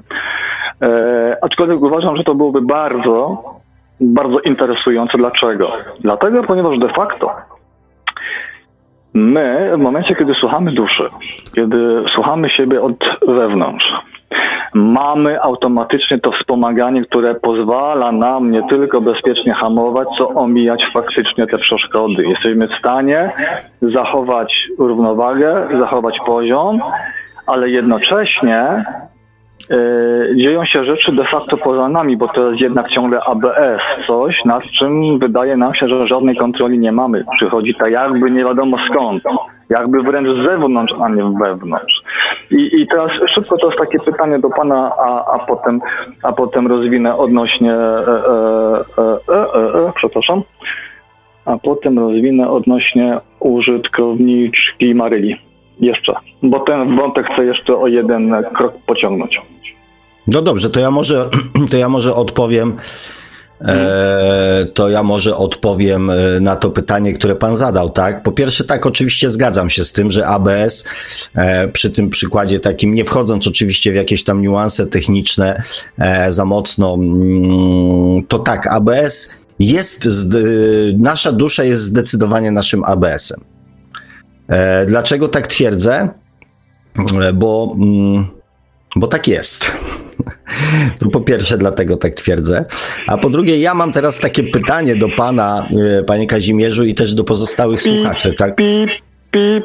Czy, czy, mm, czy my mamy kontrolę nad swoim życiem, nie używając duszy? Sam pan odpowiedział na to pytanie, używając naszego słynnego maluszka jako przykład, że podczas ostrego hamowania bez ABS-u nie mamy nad tym pojazdem żadnej kontroli. I teraz przy tym wszystkim, co ja powiedziałem dzisiaj o podświadomości, o tym, jaka ona jest, przy, czy we wszystkich audycjach, gdzie dzisiaj brutalnie i wulgarnie rzecz biorąc, nazwałem naszą podświadomość instynktem.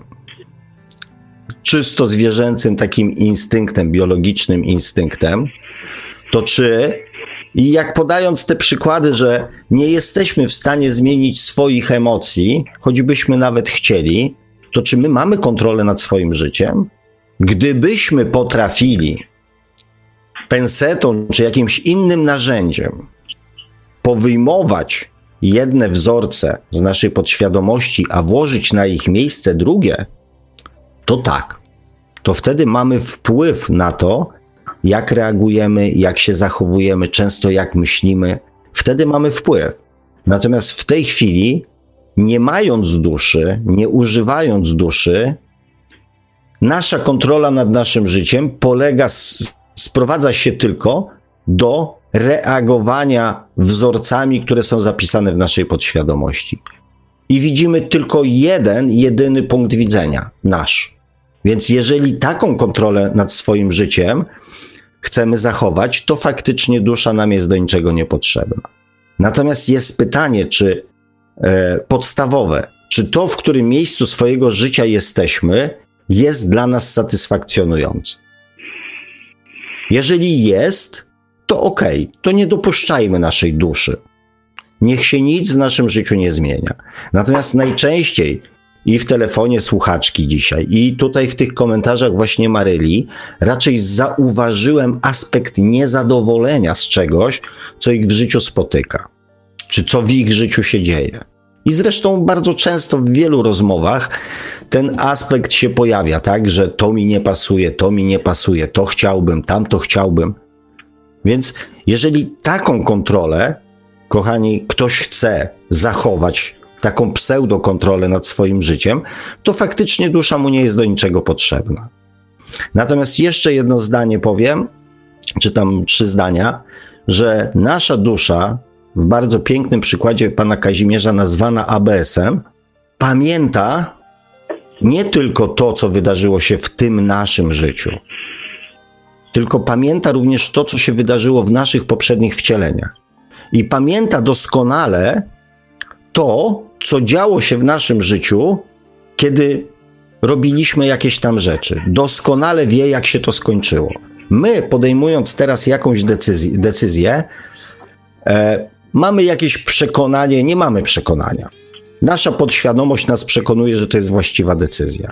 My takich decyzji najprawdopodobniej w swoim życiu podejmowali, w swoich życiach podejmowaliśmy wiele i nasza, nasza dusza mówi, stary, już parę razy tak w życiu zrobiłeś, to się dobrze nie skończyło. Nie rób tego znowu. I to ona ma tą rolę właśnie taką ochronną, żebyśmy nie wpakowali się po raz kolejny w te same kłopoty które już przeżywaliśmy być może nawet wiele razy w swoich poprzednich wcieleniach. To tyle, żeby nie przedłużać, panie Kazimierzu, moje zdanie na temat ABS-u, duszy e, i jej udziału i kontroli. Wszystko idzie zgodnie z planem. Czyli? Ponieważ teraz mogę. E, takiej odpowiedzi się spodziewałem. Okej. Okay.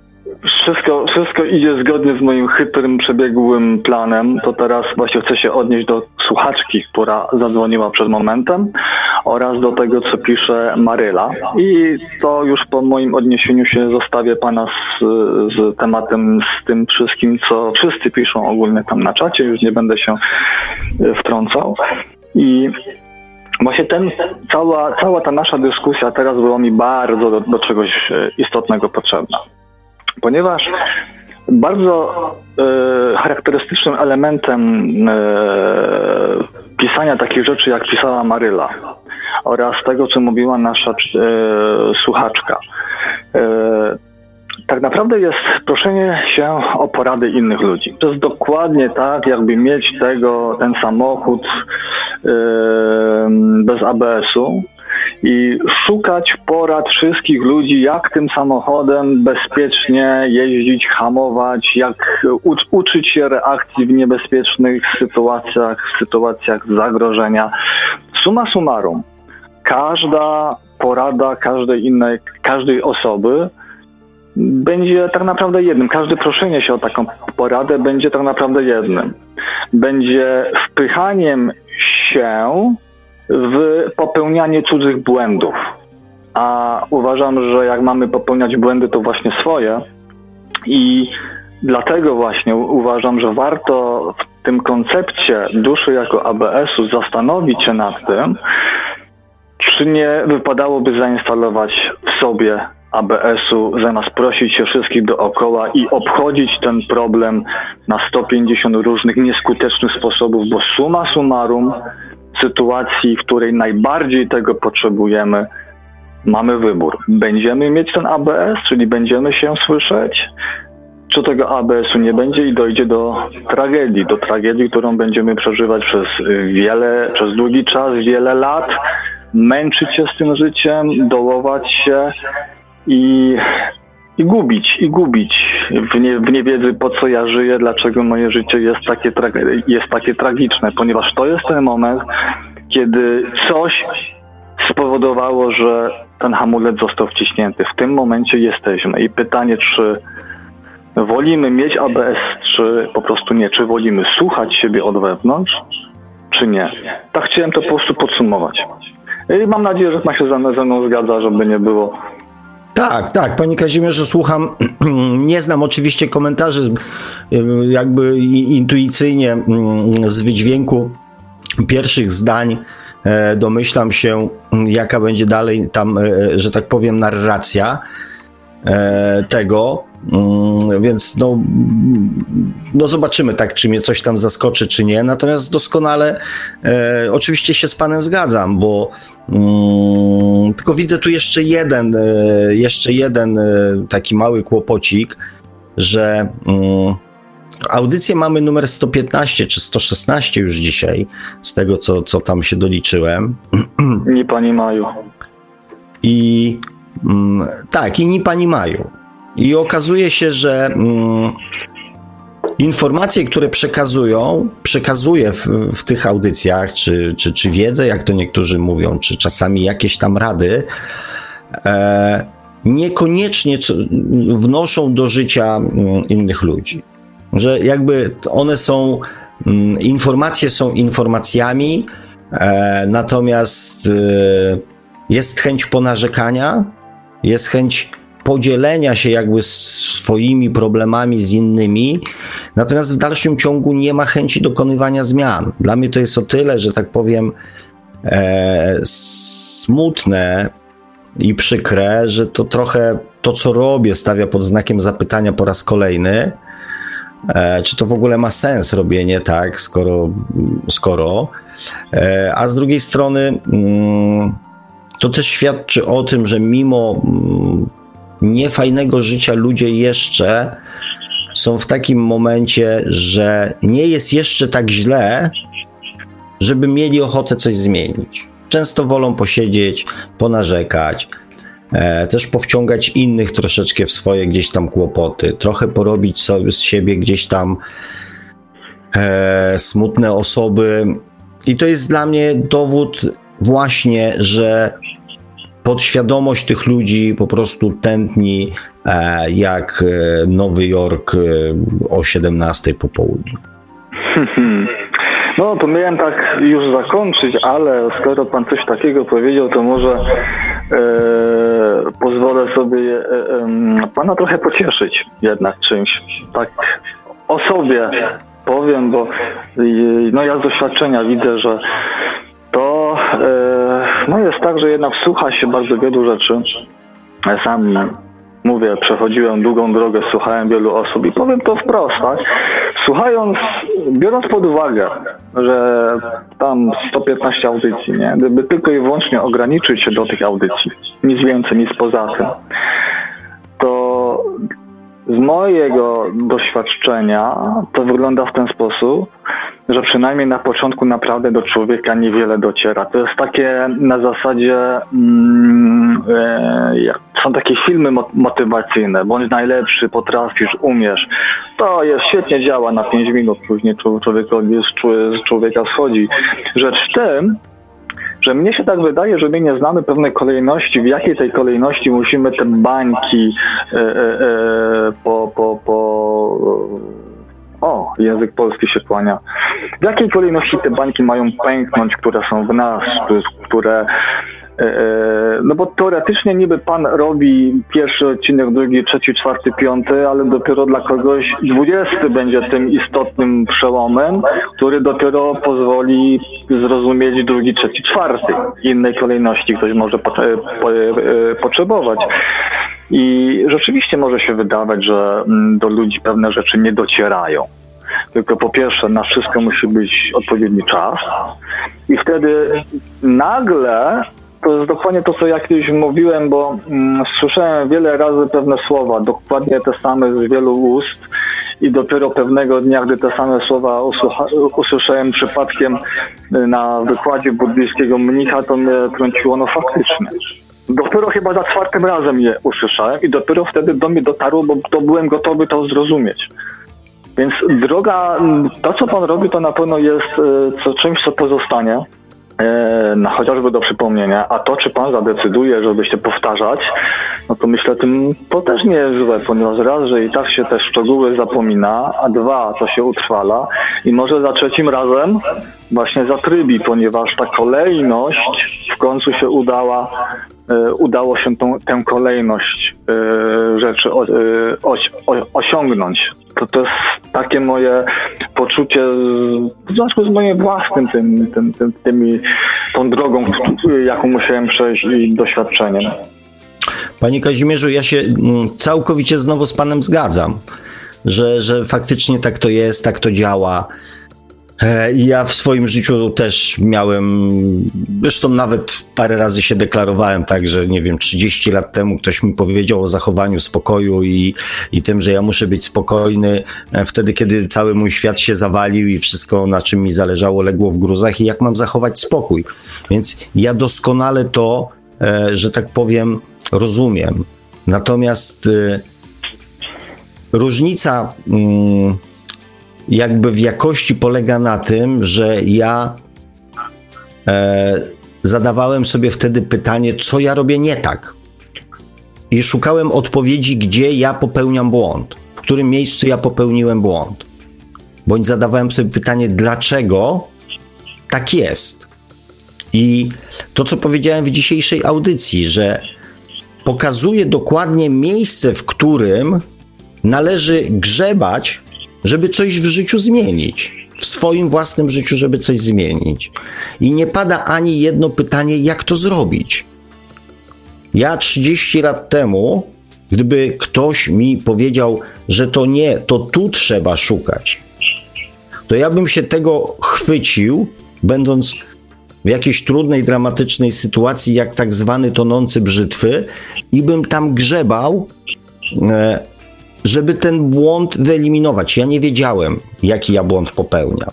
Ja do, odkrywałem to w sobie ileś tam lat, żeby zrozumieć, jaki błąd popełniam, ale próbowałem różnych rzeczy, e, żeby, mm, żeby ten błąd znaleźć i go wyeliminować. I to jest e, dla mnie mm, jakby istotne, że nie padają pytania, jak, co ja mam zrobić. Jak ja mam to Może zrobić? to jest trudne do wyobrażenia sobie e, odpowiedź na to pytanie. No w pewnym sensie, no spójrzmy teraz na to tak. E, w zasadzie to wracamy do tego e, mojego ABS-u, tak?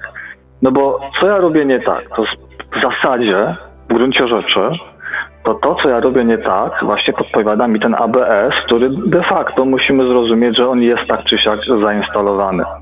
Tylko i on de facto on cały czas do nas, nam próbuje działać, tylko my mu nie pozwalamy. My robimy wszystko, aby ten ABS nie mógł zadziałać. Wbrew konstrukcji naszego pojazdu robimy wszystko, żeby on tylko nie zadziałał. I teraz na pytanie, co my robimy nie tak, można powiedzieć w prosty niby sposób, że odpowiedź ci na to pytanie twoja dusza.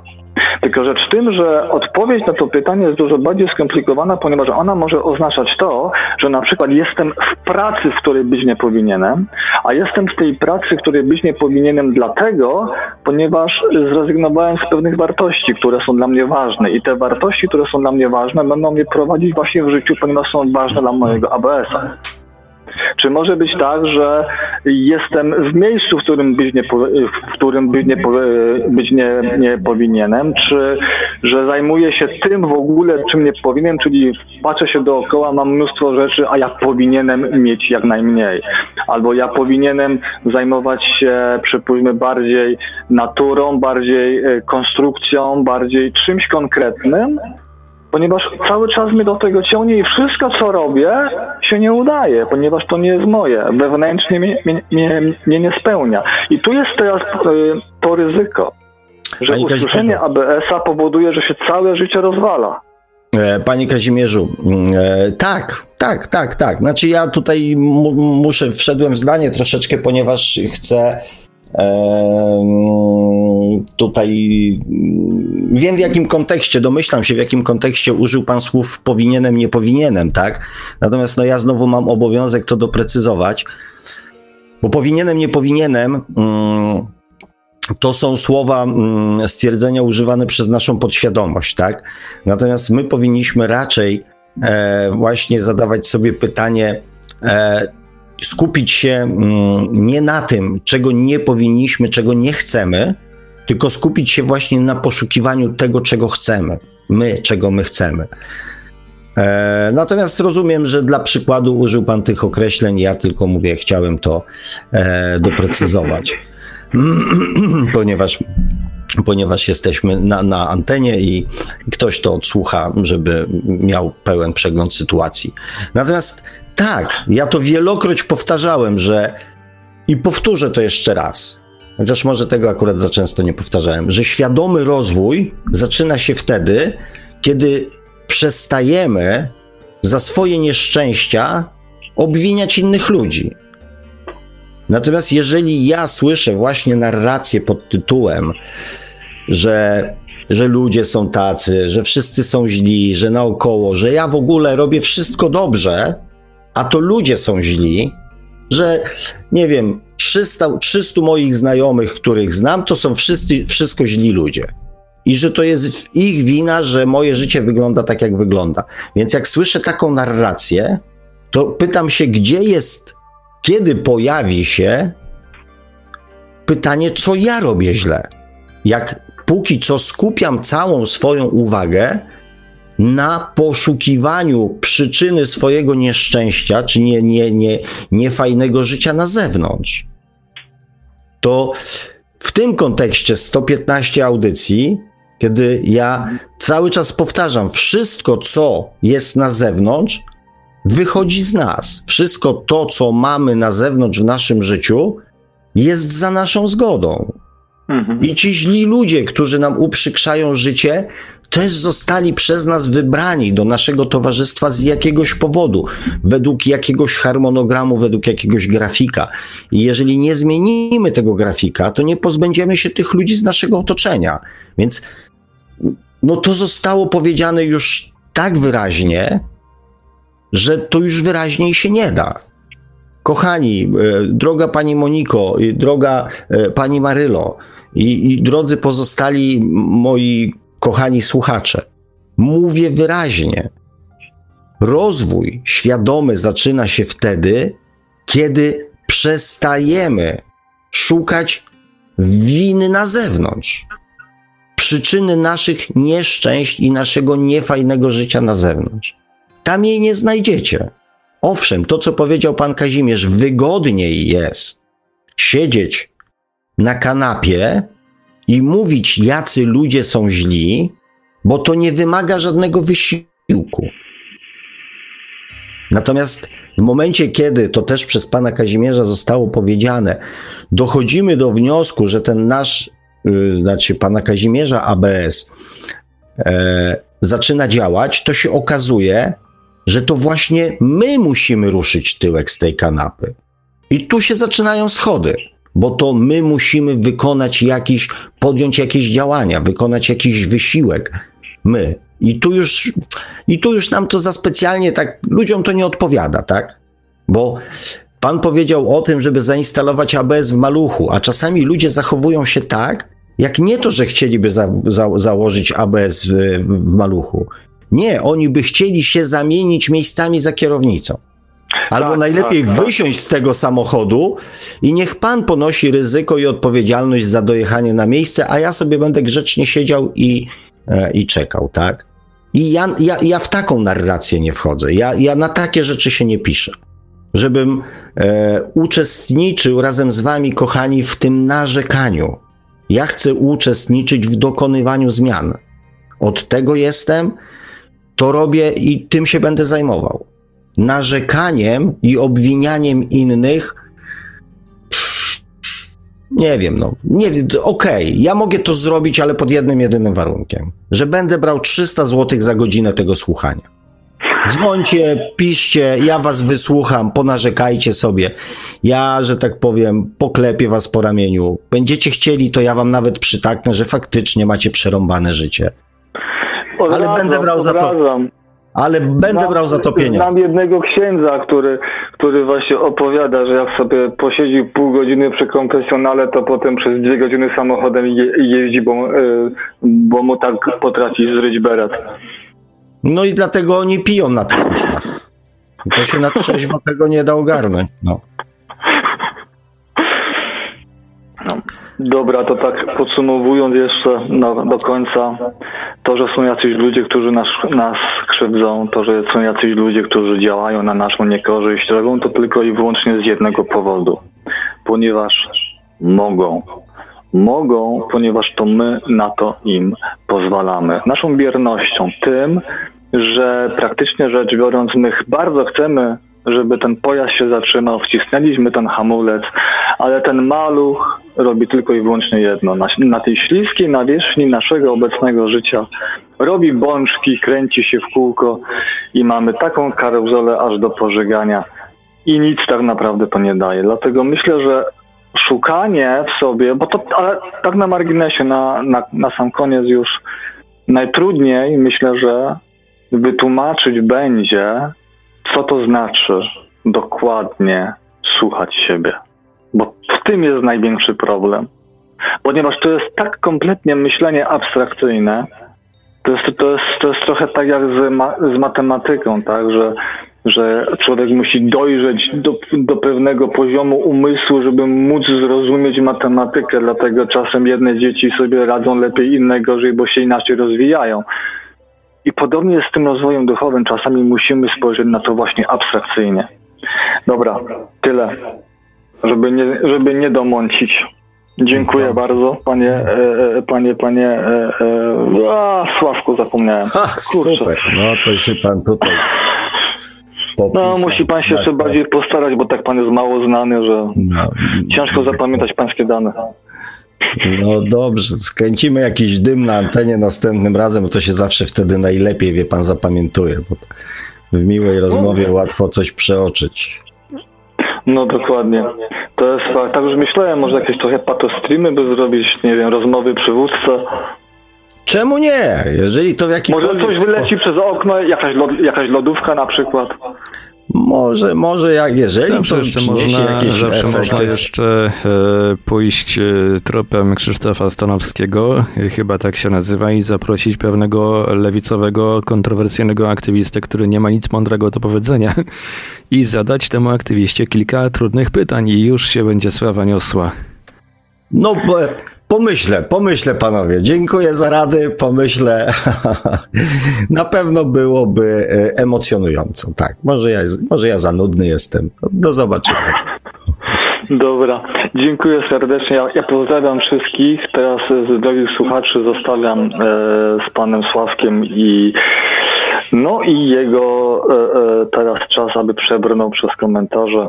Życzę miłego dnia wszystkim. Pozdrawiam pana, panie Marku. Pozdrawiam pana, panie Sławku, pozdrawiam słuchaczy i e, żegnam się serdecznie. Papatki. Dziękujemy, dziękujemy, dziękujemy. panie Kazimierzu. Wszystkiego dobrego, nieustająco. Dzięki za telefon. To jeszcze tylko przypomnę kontakty głosowe do Radia Paranormalium, numery telefonów stacjonarne 32 746 0008, 32 746 0008, komórkowy 536 20 493, 536 20 493, no i oczywiście skype radio.paranormalium.pl. Dziękujemy panie Marku. E, ja tutaj jestem przy 20.43 i mamy taką sytuację, że Karolina Belfast się przywitała z nami. E, pani Maryla opowiada tutaj swoją historię cały czas. E, a mm, pan Kerek pisze 15, a ja powiem tak, prawda jest tylko jedna i nie ma się co licytować, kto wie lepiej, e, bo albo krążymy tylko wokół niej, albo jest zupełnie inna, dlatego przestałam nawracać innych swoją wiedzą bo wiele razy ją sama weryfikowałam. No bardzo fajnie napisane. E, natomiast ja podałem ten przykład oczywiście w kontekście e, właśnie wyłapywania tego, jak działa nasza mm, podświadomość. Wyłapywania też, e, z kim mamy do czynienia, bo często wydaje nam się, że rozmawiamy z kimś, do którego mm, coś tam dociera, a tak naprawdę rozmawiamy z jego podświadomością.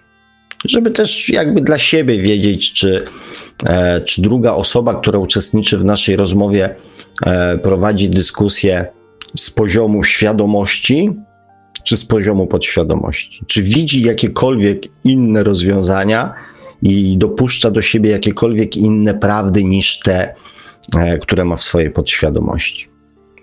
Mm, dobrze, tu pani Maryla pisze dalej. E, e-mobilek się pojawił, witam, hej wszystkim, cześć e-mobilku. Mm, mhm. Bogusław Klocek. Mm. Pisze też sobie pomogłem i nie jestem gorszy ani lepszy od, od nikogo. Bardzo słusznie. E-mobil pisze tak. Dla mnie podświadomość to filtr, który odpowiada za to, że koncentrujemy się na tej konkretnej rzeczywistości, a to w taki sposób ją postrzegamy, a to w jaki sposób ją postrzegamy, są e, zależne programy tej podświadomości, czyli nasze przekonania. Znaczy, nasze, nasza podświadomość to jest zbiór reakcji oraz e, przekonań i prawd. Więc yy, yy, i to, to, to yy, dla mnie bardziej filtrem, który pozwala zweryfikować, co w tej podświadomości jest. Kochani, z tą podświadomością jest tak, że mm, tutaj to, co pani Monika zadzwoniła i pani Maryla pisze, to jest jej, to, to, to, to były ich podświ- to są ich podświadomości. To jest ich wewnętrzne przekonanie, niepodlegające żadne, żadnej krytyce, że tak właśnie wygląda ich życie. I że w tej sytuacji, w której one się znalazły, nic innego niż to, co one zrobiły, nie da się zrobić. To jest podświadomość. To jest niekontrolowany w żaden sposób sposób myślenia, postępowania i reagowania, dający nam przekonanie, że to, co mówimy, jest jedyną słuszną racją. To jest podświadomość. I to wszystko, co pisze pani Maryla i to, co próbowała powiedzieć pani Monika, płynie właśnie z ich podświadomości. I tu jakby nie ma gdzie włożyć igiełki. To, co pisze e-mobil, jest już wynikiem jakiegoś procesu myślowego, analizy, e, tu się włącza mental. Natomiast to jest też zbudowane gdzieś na bazie na podłożu podświadomości danego człowieka. Jeżeli ten, kto wpuścił do swojego życia, dopuścił do swojego życia aspekt swojej duszy, aspekt swojego, swojej świadomości duchowej, ten to już wie, ponieważ wtedy powstają zupełnie inne perspektywy i inny sposób myślenia. I to jest różnica, która kiedy doskonale zdajemy sobie sprawę, kiedy jedziemy tym trybem podświadomości, a kiedy jesteśmy sobą. To, to jest aż wręcz wyczuwalne, kiedy załącza się tryb podświadomości, kiedy przestajemy kontrolować swoje emocje, przestajemy kontrolować swoje e, reakcje i po prostu wszystko się dzieje bez naszego udziału. Świadomość daje możliwość zastanowienia się, dlaczego ja tak myślę. Dlaczego to, co pisze pa, pani Maryla, całe życie cierpię psychicznie, nigdy nie byłam szczęśliwa, bo miałam wypadek jako niemowlę. Były momenty, że było ok. Ja czuję się gorsza całe życie. Nie umiem wymawiać, nie umiem dobrze się zachowywać. Tu nie ma gdzie wcisnąć igiełki. To jest po prostu. E, to są słowa wewnętrznie nieszczęśliwego człowieka, dla którego sytuacja, w której się znalazł, jest sytuacją bez wyjścia. Dopuszczenie do tego świadomości, do tego stanu, dopuszczenie e, świadomości duchowej daje zupełnie inne możliwości, inne perspektywy. I tu jest właśnie o kolejne stwierdzenie pani Maryli. Nie zmienimy nic, bo się nie da zmienić ludzi. No właśnie, bo potrzebą naszej podświadomości jest to, że my mamy rację, a żeby nam było dobrze, to inni mają postępować tak, żeby nam było dobrze. I tu nie ma mowy o jakimkolwiek aspekcie duchowym, o jakimkolwiek aspekcie yy, yy, świadomości. Tu jest czysta, żywa podświadomość w najczystszej postaci. Droga Marylo, to e, idąc tym tokiem myślenia, Twoje życie nie ulegnie zmianie. I ja nie mówię o życiu fizycznym, o e, powiedzmy, nie wiem, o Twoich jakichś tam sytuacjach fizycznych, które, e, o których pisałaś. Natomiast Twoje życie emocjonalne nie ulegnie żadnej zmianie. Ja znam kilka osób bardzo mocno, e, że tak powiem, upośledzonych, fizycznie upośledzonych i jednocześnie szczęśliwych, spełnionych. Ponieważ ja bardzo lubię szanty, mm, to jest e, w Polsce jeden taki mm, szantymen, nazywa się Roman Roczeń. Niesamowity człowiek, który mm, nie wiem, czy on miał, nie, nie widział od, e, że tak powiem, e, początku swojego życia, czy, czy, czy, czy, czy stracił wzrok później. Nie wiem. Tego wam nie powiem. Natomiast jest niewidomy. Ma niesamowicie fajny głos e, i śpiewa szanty. I mm, oprócz tego, że śpiewa szanty, ładnych kilka lat temu wymyślił sobie taki projekt, który się nazywa, nazwał Zobaczyć Morze. Projekt polegał na tym, że chciał zabrać niewidome osoby, dać im możliwość wypłynięcia w rejestr żaglowcem. Jako osoby, e, nie jako statek turystyczny, tylko jako osoby uczestniczące we wszelkich pracach na tym żaglowcu i też już nie pamiętam, czy to dar młodzieży, czy dar Pomorza, udało się taki rejs zorganizować. Powiem szczerze, zorganizował kilka takich rejsów. Na jednego członka załogi przypadała jedna niewidoma osoba. I wspólnie wykonywali wszystkie czynności, te liny, mycie pokładów, jakieś tam inne rzeczy i tak dalej, i tak dalej. E, wykonał kilka takich rejsów. Znalazł ludzi do pomocy, fundacje, bo to trzeba sfinansować i tak dalej, i tak dalej. Podczas jednego z rejsów, schodząc z trapu, poślizgnął się i uszkodził sobie kręgosłup. Jakby dla tego dobrego człowieka było mało nieszczęść. Ponad dwa lata się mm, rehabilitował. Wiele koncertów było granych charytatywnie, właśnie, żeby wspomóc jego, e, jego leczenie. Wrócił, zaczął znowu grać. W zeszłym roku byłem na jego koncercie. A w tym roku przeczytałem, że chłopak postanowił nauczyć się grać chyba w tenisa, z tego co pamiętam. Może coś przekręciłem. I najprawdopodobniej chodzi mu po głowie pomysł, żeby stworzyć coś, co być może utworzyć szkołę dla osób niewidomych. Niesamowicie charyzmatyczny, silny wewnętrznie człowiek, który dąży do tego, co jest dla niego ważne i co jest ważne też i przydatne dla innych. Znajduje w sobie siłę, żeby pomimo swojego upośledzenia i też różnych perypetii życiowych realizować to, co mu w sercu gra. Więc Mm. Ja oczywiście opowiedziałem jeden z przykładów, natomiast tych przykładów osób mm, tak potrafiących znaleźć siebie nawet w takich sytuacjach, znaleźć jakiś sens, cel, jest setki, tysiące, może miliony. Ja jestem wewnętrznie przekonany, że takie właśnie możliwości wyrwania się z tego instynktownego i odruchowego myślenia, skoro jestem chory, to nic nie mogę, tego myślenia pod świadomością, że takie możliwości daje właśnie nasza dusza. Daje to trzecie, czwarte, piąte, może siódme rozwiązanie, które w końcu spowoduje, że nasze życie stanie się przyjemniejsze, może spokojniejsze, może radośniejsze, na pewno pełniejsze. No właśnie tutaj Bogusław odpowiada, to ludzie chce zmieniać czy siebie. I pisze, to zacznij po prostu od siebie. Pani Marilla pisze, siebie też jestem gorsza od innych.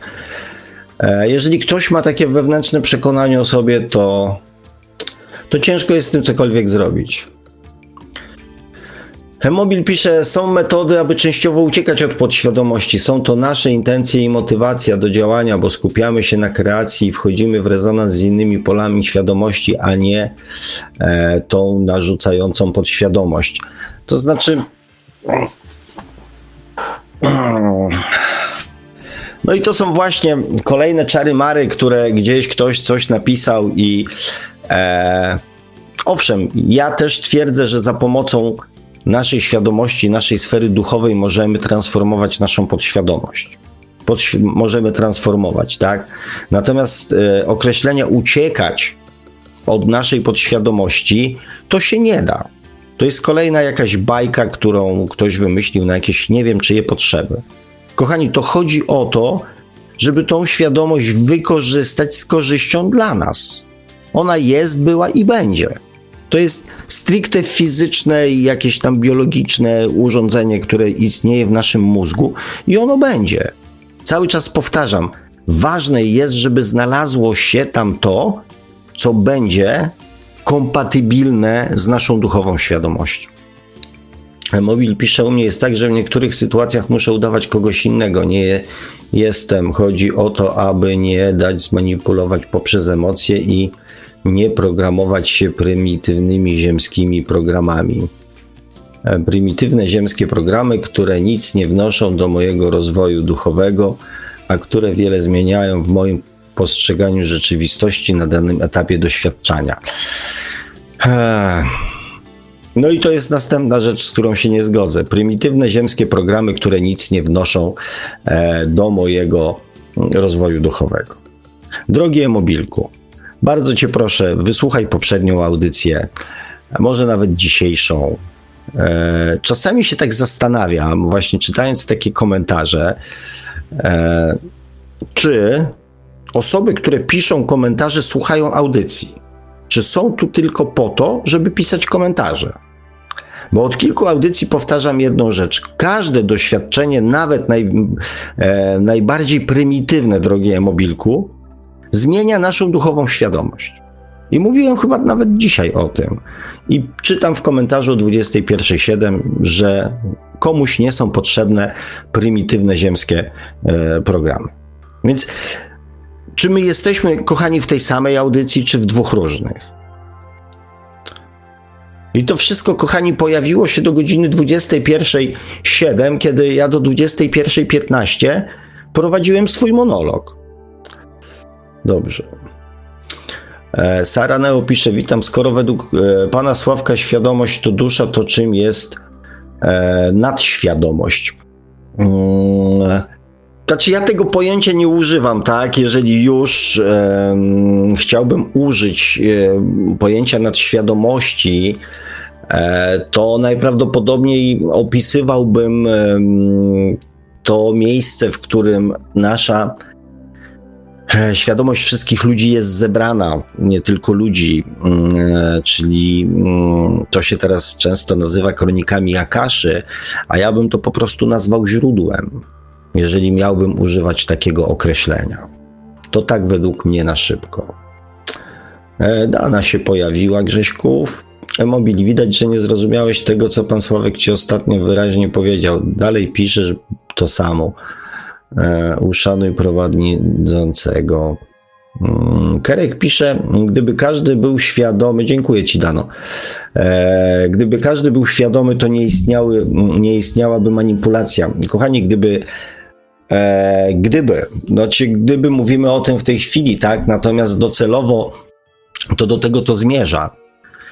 Wszystkie przepisy prawa, wszystkie ograniczenia, wszystkie nakazy są robione właśnie dla ludzi nieświadomych. Dla ci nieświadomych w tym sensie, dla ludzi kierujących się podświadomością. Dla ludzi, którzy nie dopuszczają albo mają zbyt niski poziom e, rozwoju świadomości duchowej.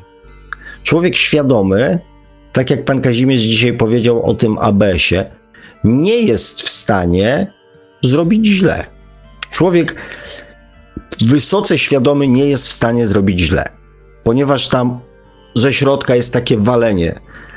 Wyluzuj, wyluzuj, opamiętaj się. Znaczy, ja używam takich słów, nie? Natomiast to jest takim, taki odruch. Dusza to jest też odruch, gdzie powstaje od razu blokada. Nie, tego nie zrobię. To nie jest moralne, to nie jest dobre, to nie jest właściwe, to nie jest słuszne. To może kogoś skrzywdzić, to, to, to, to, to, to, to. Pamiętajcie, o czym mówiłem. Dusza jest oparta na prawdzie i na miłości. Podświadomość ma swoją prawdę i tylko prawdę, i tą jedną, jedyną prawdę. Dusza korzysta z prawdy przez duże P i ocenia nasze postępowanie, czy tam, no ocenia, dobra, ocenia nasze postępowanie poprzez pryzmat prawdy i miłości. Jeżeli coś nie jest prawdą i nie wynika z miłości, czy do siebie, czy do innych, czy do świata, czy do wszechświata, to jest złe. To jest niewłaściwe. Jeżeli nie wynika z prawdy, jest niewłaściwe. I tego się po prostu wewnętrznie nie da zrobić. Dlatego, jeżeli ludzkość osiągnie pewien odpowiedni poziom świadomości, to oczywiście, tak jak pisze Kerek, nie będzie manipulacji, ale nie będą też potrzebne przepisy, nie będą potrzebne nakazy, ponieważ świadomość to jest też branie drugiego człowieka pod uwagę. Człowiek podświadomy, kierujący się podświadomością, wyrzuci śmieci przez okno, bo, bo mu się nie chce iść, tak? A poza tym od tego jest sprzątaczka, czy tam ogrodnik, czy tam cieciur, czy ktokolwiek inny gospodarz bloku, że rano to posprząta. I podświadomość wie, że ktoś to będzie musiał posprzątać, ale mówi zrób to. Świadomość duchowa powie nie rób tego, bo ktoś będzie musiał po tobie posprzątać. A twoim obowiązkiem jest sprzątać po sobie. Nie masz obowiązku sprzątać po innych, ale też nikt nie ma obowiązku sprzątać po tobie. Każdy człowiek ma obowiązek sprzątać po sobie. Człowiek kierujący się podświadomością wyjdzie z psem na spacer, pies postawi kloca na chodniku, a on się będzie cieszył, bo ktoś ma to posprzątać, bo on płaci podatki, bo on płaci czynsz, bo on płaci coś. Człowiek świadomy, mój pies, mój obowiązek, ja sprzątam.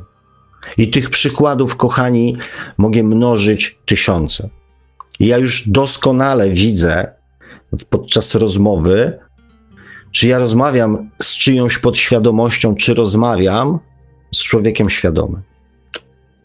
Baba Jaga pisze, ledwo weszłam, a tu drama. Nie ma dramy. E, Maryla Okonek pisze, pozdrawiam i przepraszam. E, Marylo, cieszę się, że przyszłaś. Cieszę się, że się pojawiłaś. Z jakiegoś powodu postanowiłaś dzisiaj wysłuchać audycji. I mam, że tak powiem, e, prośbę, bo nie musisz przepraszać. Człowiek za swoje uczucia nie musi przepraszać. I ja wierzę w to, że to są Twoje emocje. Ja wierzę w to, jestem przekonany, że to, co napisałaś dzisiaj e, na tym czacie, to Ty w to wierzysz. To jest Twoje, to nie podlega żadnej dyskusji. Tylko ja, żebym mógł komuś w czymkolwiek pomóc, to muszę dostać od tego człowieka zielone światło, że on chce coś w życiu zmienić. Inaczej to nie zadziała. I to, co kilka osób e, tu ci już napisało, to o czym powiedziałem ja, możesz zmienić samą siebie. I uwierz mi, że zmienianie samego siebie zmienia naprawdę również perspektywę patrzenia i reagowania na to, co się dzieje w Twoim życiu. A poprzez to pozwala Ci zmienić też swoje życie w dalszym, że tak powiem, e, etapie, w przyszłości. Wpłynąć na to, żeby było inne. Nawet jeżeli czasami ono pozostaje takie samo, to zaczynamy na nie inaczej patrzeć, z większym spokojem, z większym dystansem. Szukamy miłości do samego siebie. Szukamy czegoś, co możemy z tego życia jeszcze wycisnąć, co sprawi nam przyjemność. A nie siedzimy tylko i mówimy, że jest źle.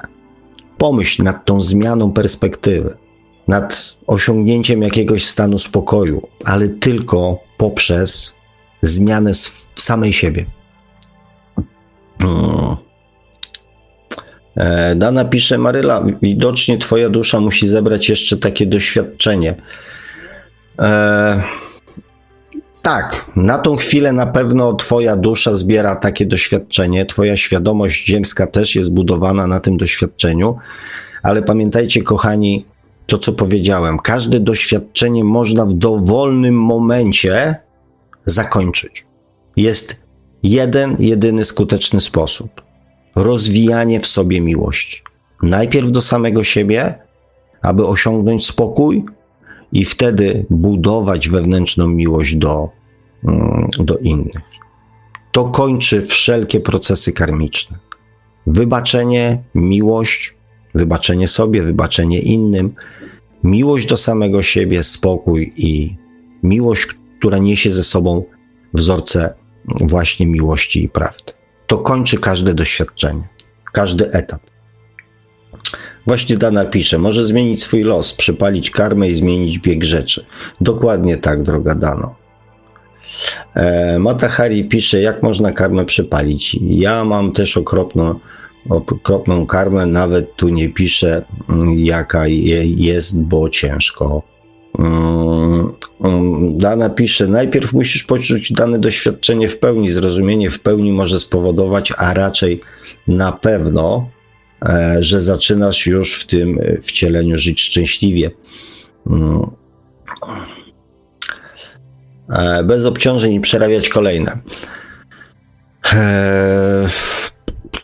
Mm, rozumiem, że komentarz jest krótki, natomiast ja mm, komentarze dane znam i też jej sposób patrzenia i też myślę, że poznałem jej świadomość, więc rozumiem, że że to krótkie stwierdzenie nie wyczerpuje zupełnie tematu.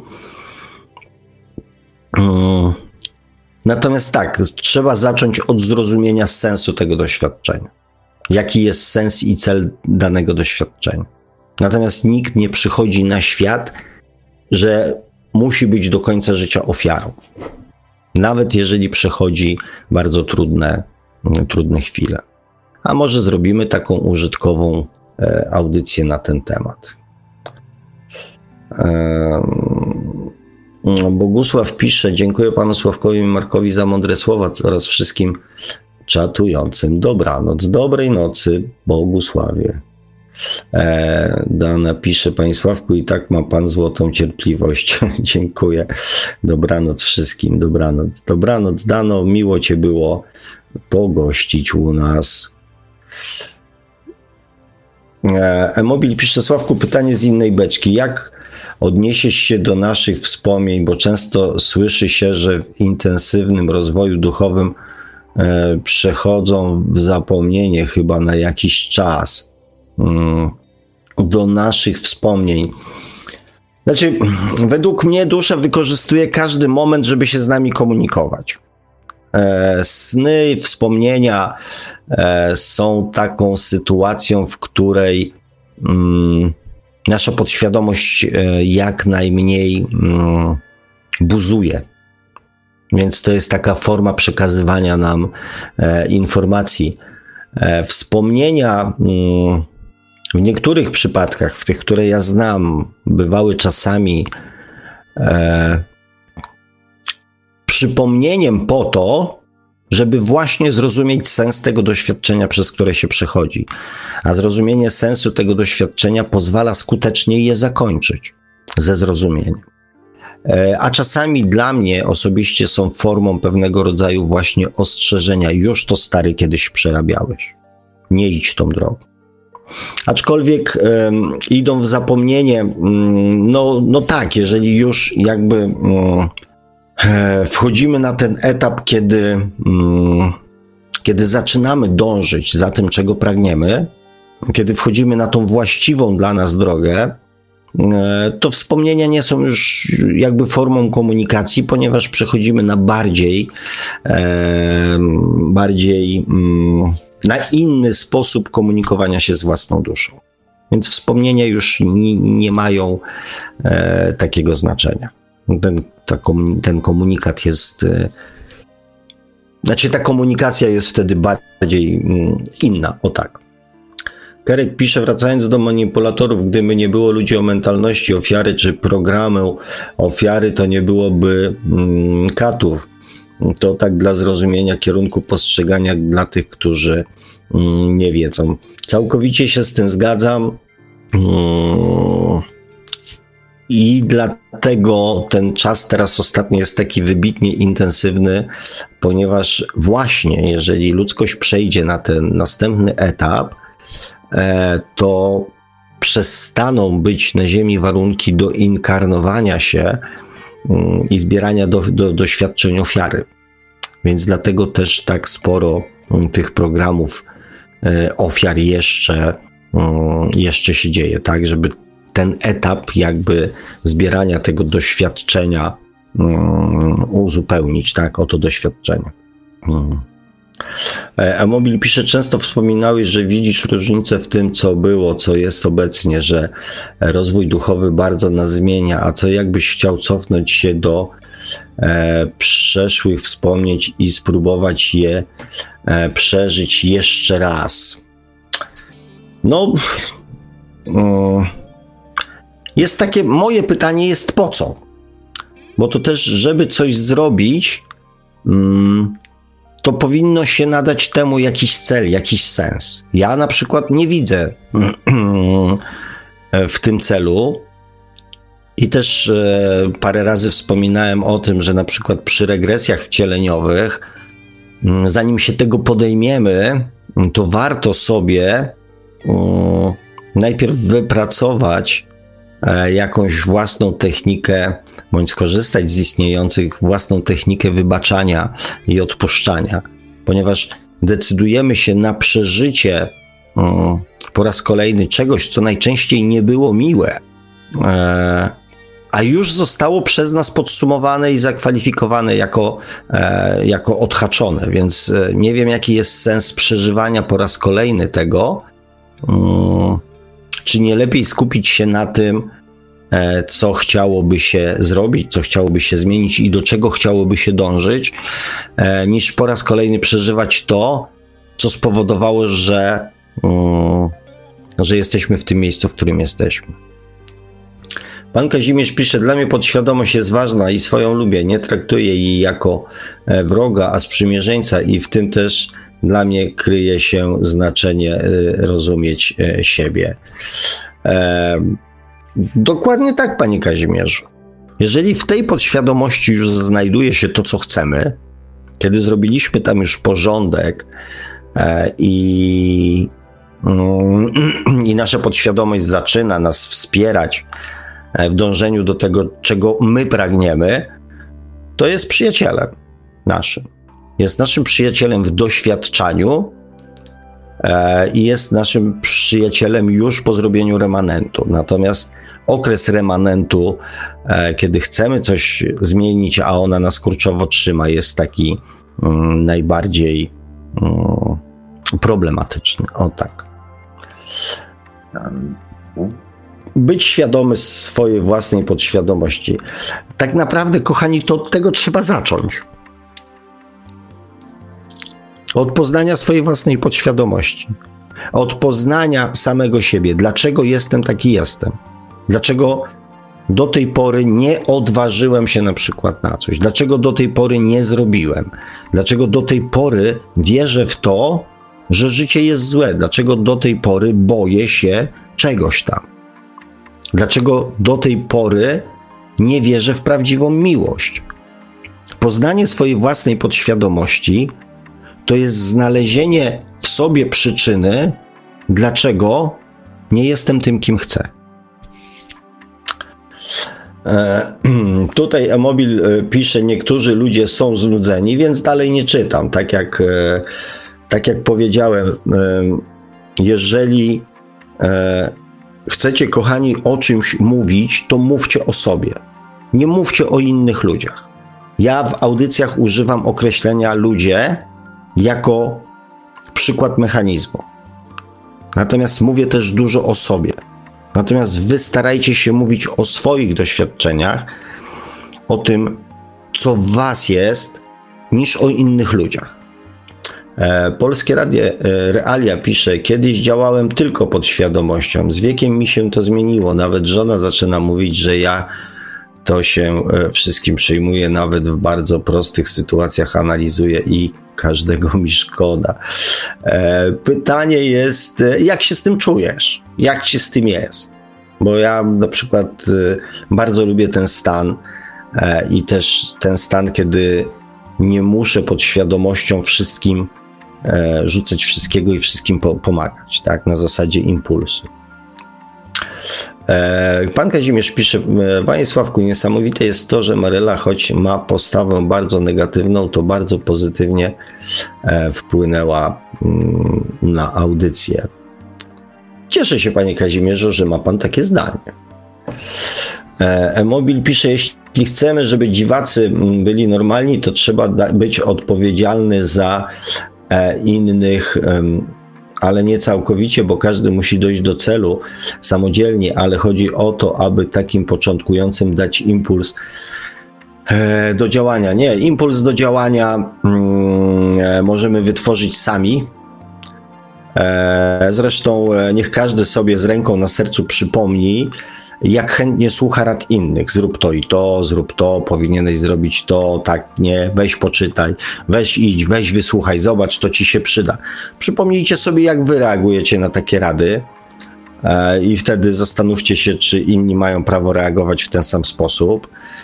E, impuls pojawia się sam. Natomiast fakt, że osobami zagubionymi trzeba się opiekować, opiekować a ludziom chcącym e, coś zmieniać, pomagać. Natomiast e, impuls to jest też stan emocjonalny, chęć, impuls to jest stan emocjonalny, który musimy wytworzyć my sami w sobie. Szymon pisze, Wiśniewski, akceptacja i miłość do samego siebie to podstawa. Szkoda, że wcześniej tego nie wiedziałem. Rozumiem, że to nie jest zbieg okoliczności, że tu jestem. E, budzę się dopiero od grudnia, więc to dopiero początek. E, drogi Szymonie, jeżeli już zauważyłeś e, wartość mm, akceptacji i miłości do samego siebie, to uwierz mi, że poleci dość szybko. E, pan Kazimierz pisze, moja podświadomość ma przede mną jeszcze wiele tajemnic. E, ciągle jest źródłem pewnych lęków, ale to jest też relacja ciągłego zgłębiania i poznawania siebie w tym związku. E, życzę powodzenia Panie Kazimierzu w zgłębianiu i poznawaniu tego związku, ale cieszę się z Pana entuzjazmu. Szymix pisze, prawda i miłość jestem za, cieszę się bardzo. E, Szymon Wiśniewski pisze, wszystko jest tak, jak pan mówi, trzeba zrozumieć, że problem jest w nas. Dowiedziałem się, że mam osobowość WWO, więc e, większość moich problemów mocno wyolbrzymiam. Mm, ale masz przede wszystkim świadomość tego, tak? I to jest już pierwszy bardzo mocny krok do, mm, do, do zrobienia kilku następnych poważnych kroków. E, XY pisze, Panie Sławku, jaki będzie temat następnej audycji? E, powiem tak, e, na tą chwilę jeszcze nie wiem. kusi mnie tak, żeby pociągnąć ten temat tej podświadomości w kontekście związków i tych bliźniaczych płomieni, mm, bo to jest, związki są świetnym przykładem na, mm, na to, jak to działa. I może właśnie nie zdążyłem dzisiaj, bo się rozgadałem o czymś innym, ale może spróbuję mm, pokazać Wam, kochani, jak bardzo, jak mocno podświadomość funkcjonuje w naszym codziennym życiu i pokazać też takie praktyczne, więcej praktycznych korzyści z tego, e, co nam daje dopuszczenie świadomości duchowej do naszego życia. Jakie korzyści, oprócz oczywiście tych e, cudownych, wspaniałych, pełnych na wszystkich, e, że tak powiem, płaszczyznach bytu, związkach, którym, za który sobie dziękuję e, i Wam, kochani, z całego serca życzę.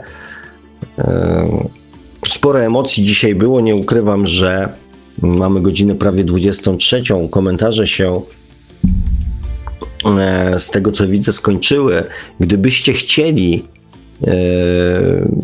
gdyby się pojawiły z Waszej strony jakieś konkretne pytania, konkretne tematy do poruszenia, to napiszcie do mnie, wtedy Mm, wtedy wtedy zrobimy po prostu, zrobię po prostu o tym audycję, jeżeli będę miał e, jakąś wiedzę bądź przemyślenia na ten temat. E, chciałbym ten etap mm, tej relacji pomiędzy świadomością a podświadomością mm, zakończyć i czekam na propozycję, o czym będzie dalej. No dobrze, kochani, dziękuję Wam bardzo za dzisiejsze spotkanie. Jak zawsze mam nadzieję, że coś ono e, do, do waszego życia wniosło, do mojego e, z pewnością też. Mm, no i co? Trzymajcie się cieplutko. Dziękuję XY panu Markowi. Pisze Dziękuję. właśnie e, związki, bardzo dobry temat, bliźniacze płomienie. Jeśli jest możliwość, bardzo bym prosiła panie Sławku o taki temat. Super. No dobrze. No to w takim razie to w takim razie E, spróbuję pociągnąć to, mm, na co mi zbrakło czasu w dzisiejszej audycji. Ok, to tak się możemy umówić. O, mm, polskie realia, bliźniacze płomienie też jestem za. No to temat audycji mamy, e, że tak powiem, e, uzgodniony, a że mam w tej dziedzinie też własne, osobiste, bardzo fajne i przyjemne doświadczenia, więc chęcią się z Wami podzielę. Oczywiście, jeżeli uzyskam zgodę na udostępnienie tych informacji od swojego bliźniaczego płomienia. E, kochani, ściskam Was bardzo serdecznie, bardzo gorąco. E, wszystkiego dobrego Wam życzę. Dużo radości, dużo miłości, dużo dystansu i jak najwięcej świadomości samego siebie na ten najbliższy tydzień. Trzymajcie się cieplutko. Dziękuję Panie Marku, dziękuję Panie Kazimierzu, dziękuję Pani Moniko e, i dziękuję Wam, kochani, że byliście. Trzymajcie się. A mój do do Państwa jak zawsze gospodarz audycji Świat oczami duszy, pan Sławek Pączkowski. Tradycyjnie i nieustająco zachęcamy do sięgnięcia po książkę pana Sławka Czy można szukać przeznaczenia, czyli po to człowiekowi dusza. Książka dostępna także w wersjach, e, książka dostępna w wersjach drukowanej, cyfrowej i jako audiobook. Zachęcamy także do zasubskrybowania kanału pana Sławka na YouTube o takim samym tytule jak nasza audycja, czyli Świat oczami duszy. No i do polejkowania fanpage'a pana Sławka na, na Facebooku. I cóż, e, dzisiaj już powolutku kończymy. Audycję jak zawsze od strony technicznie obsługiwał Marek Sękiewelius, Radio Paranormalium, Paranormalny Głos w Twoim domu. Dziękujemy za uwagę, dobranoc i do usłyszenia ponownie oczywiście już za tydzień o 20 w poniedziałek na żywo na antenie Radia Paranormalium. Produkcja i realizacja Radio Paranormalium www.paranormalium.pl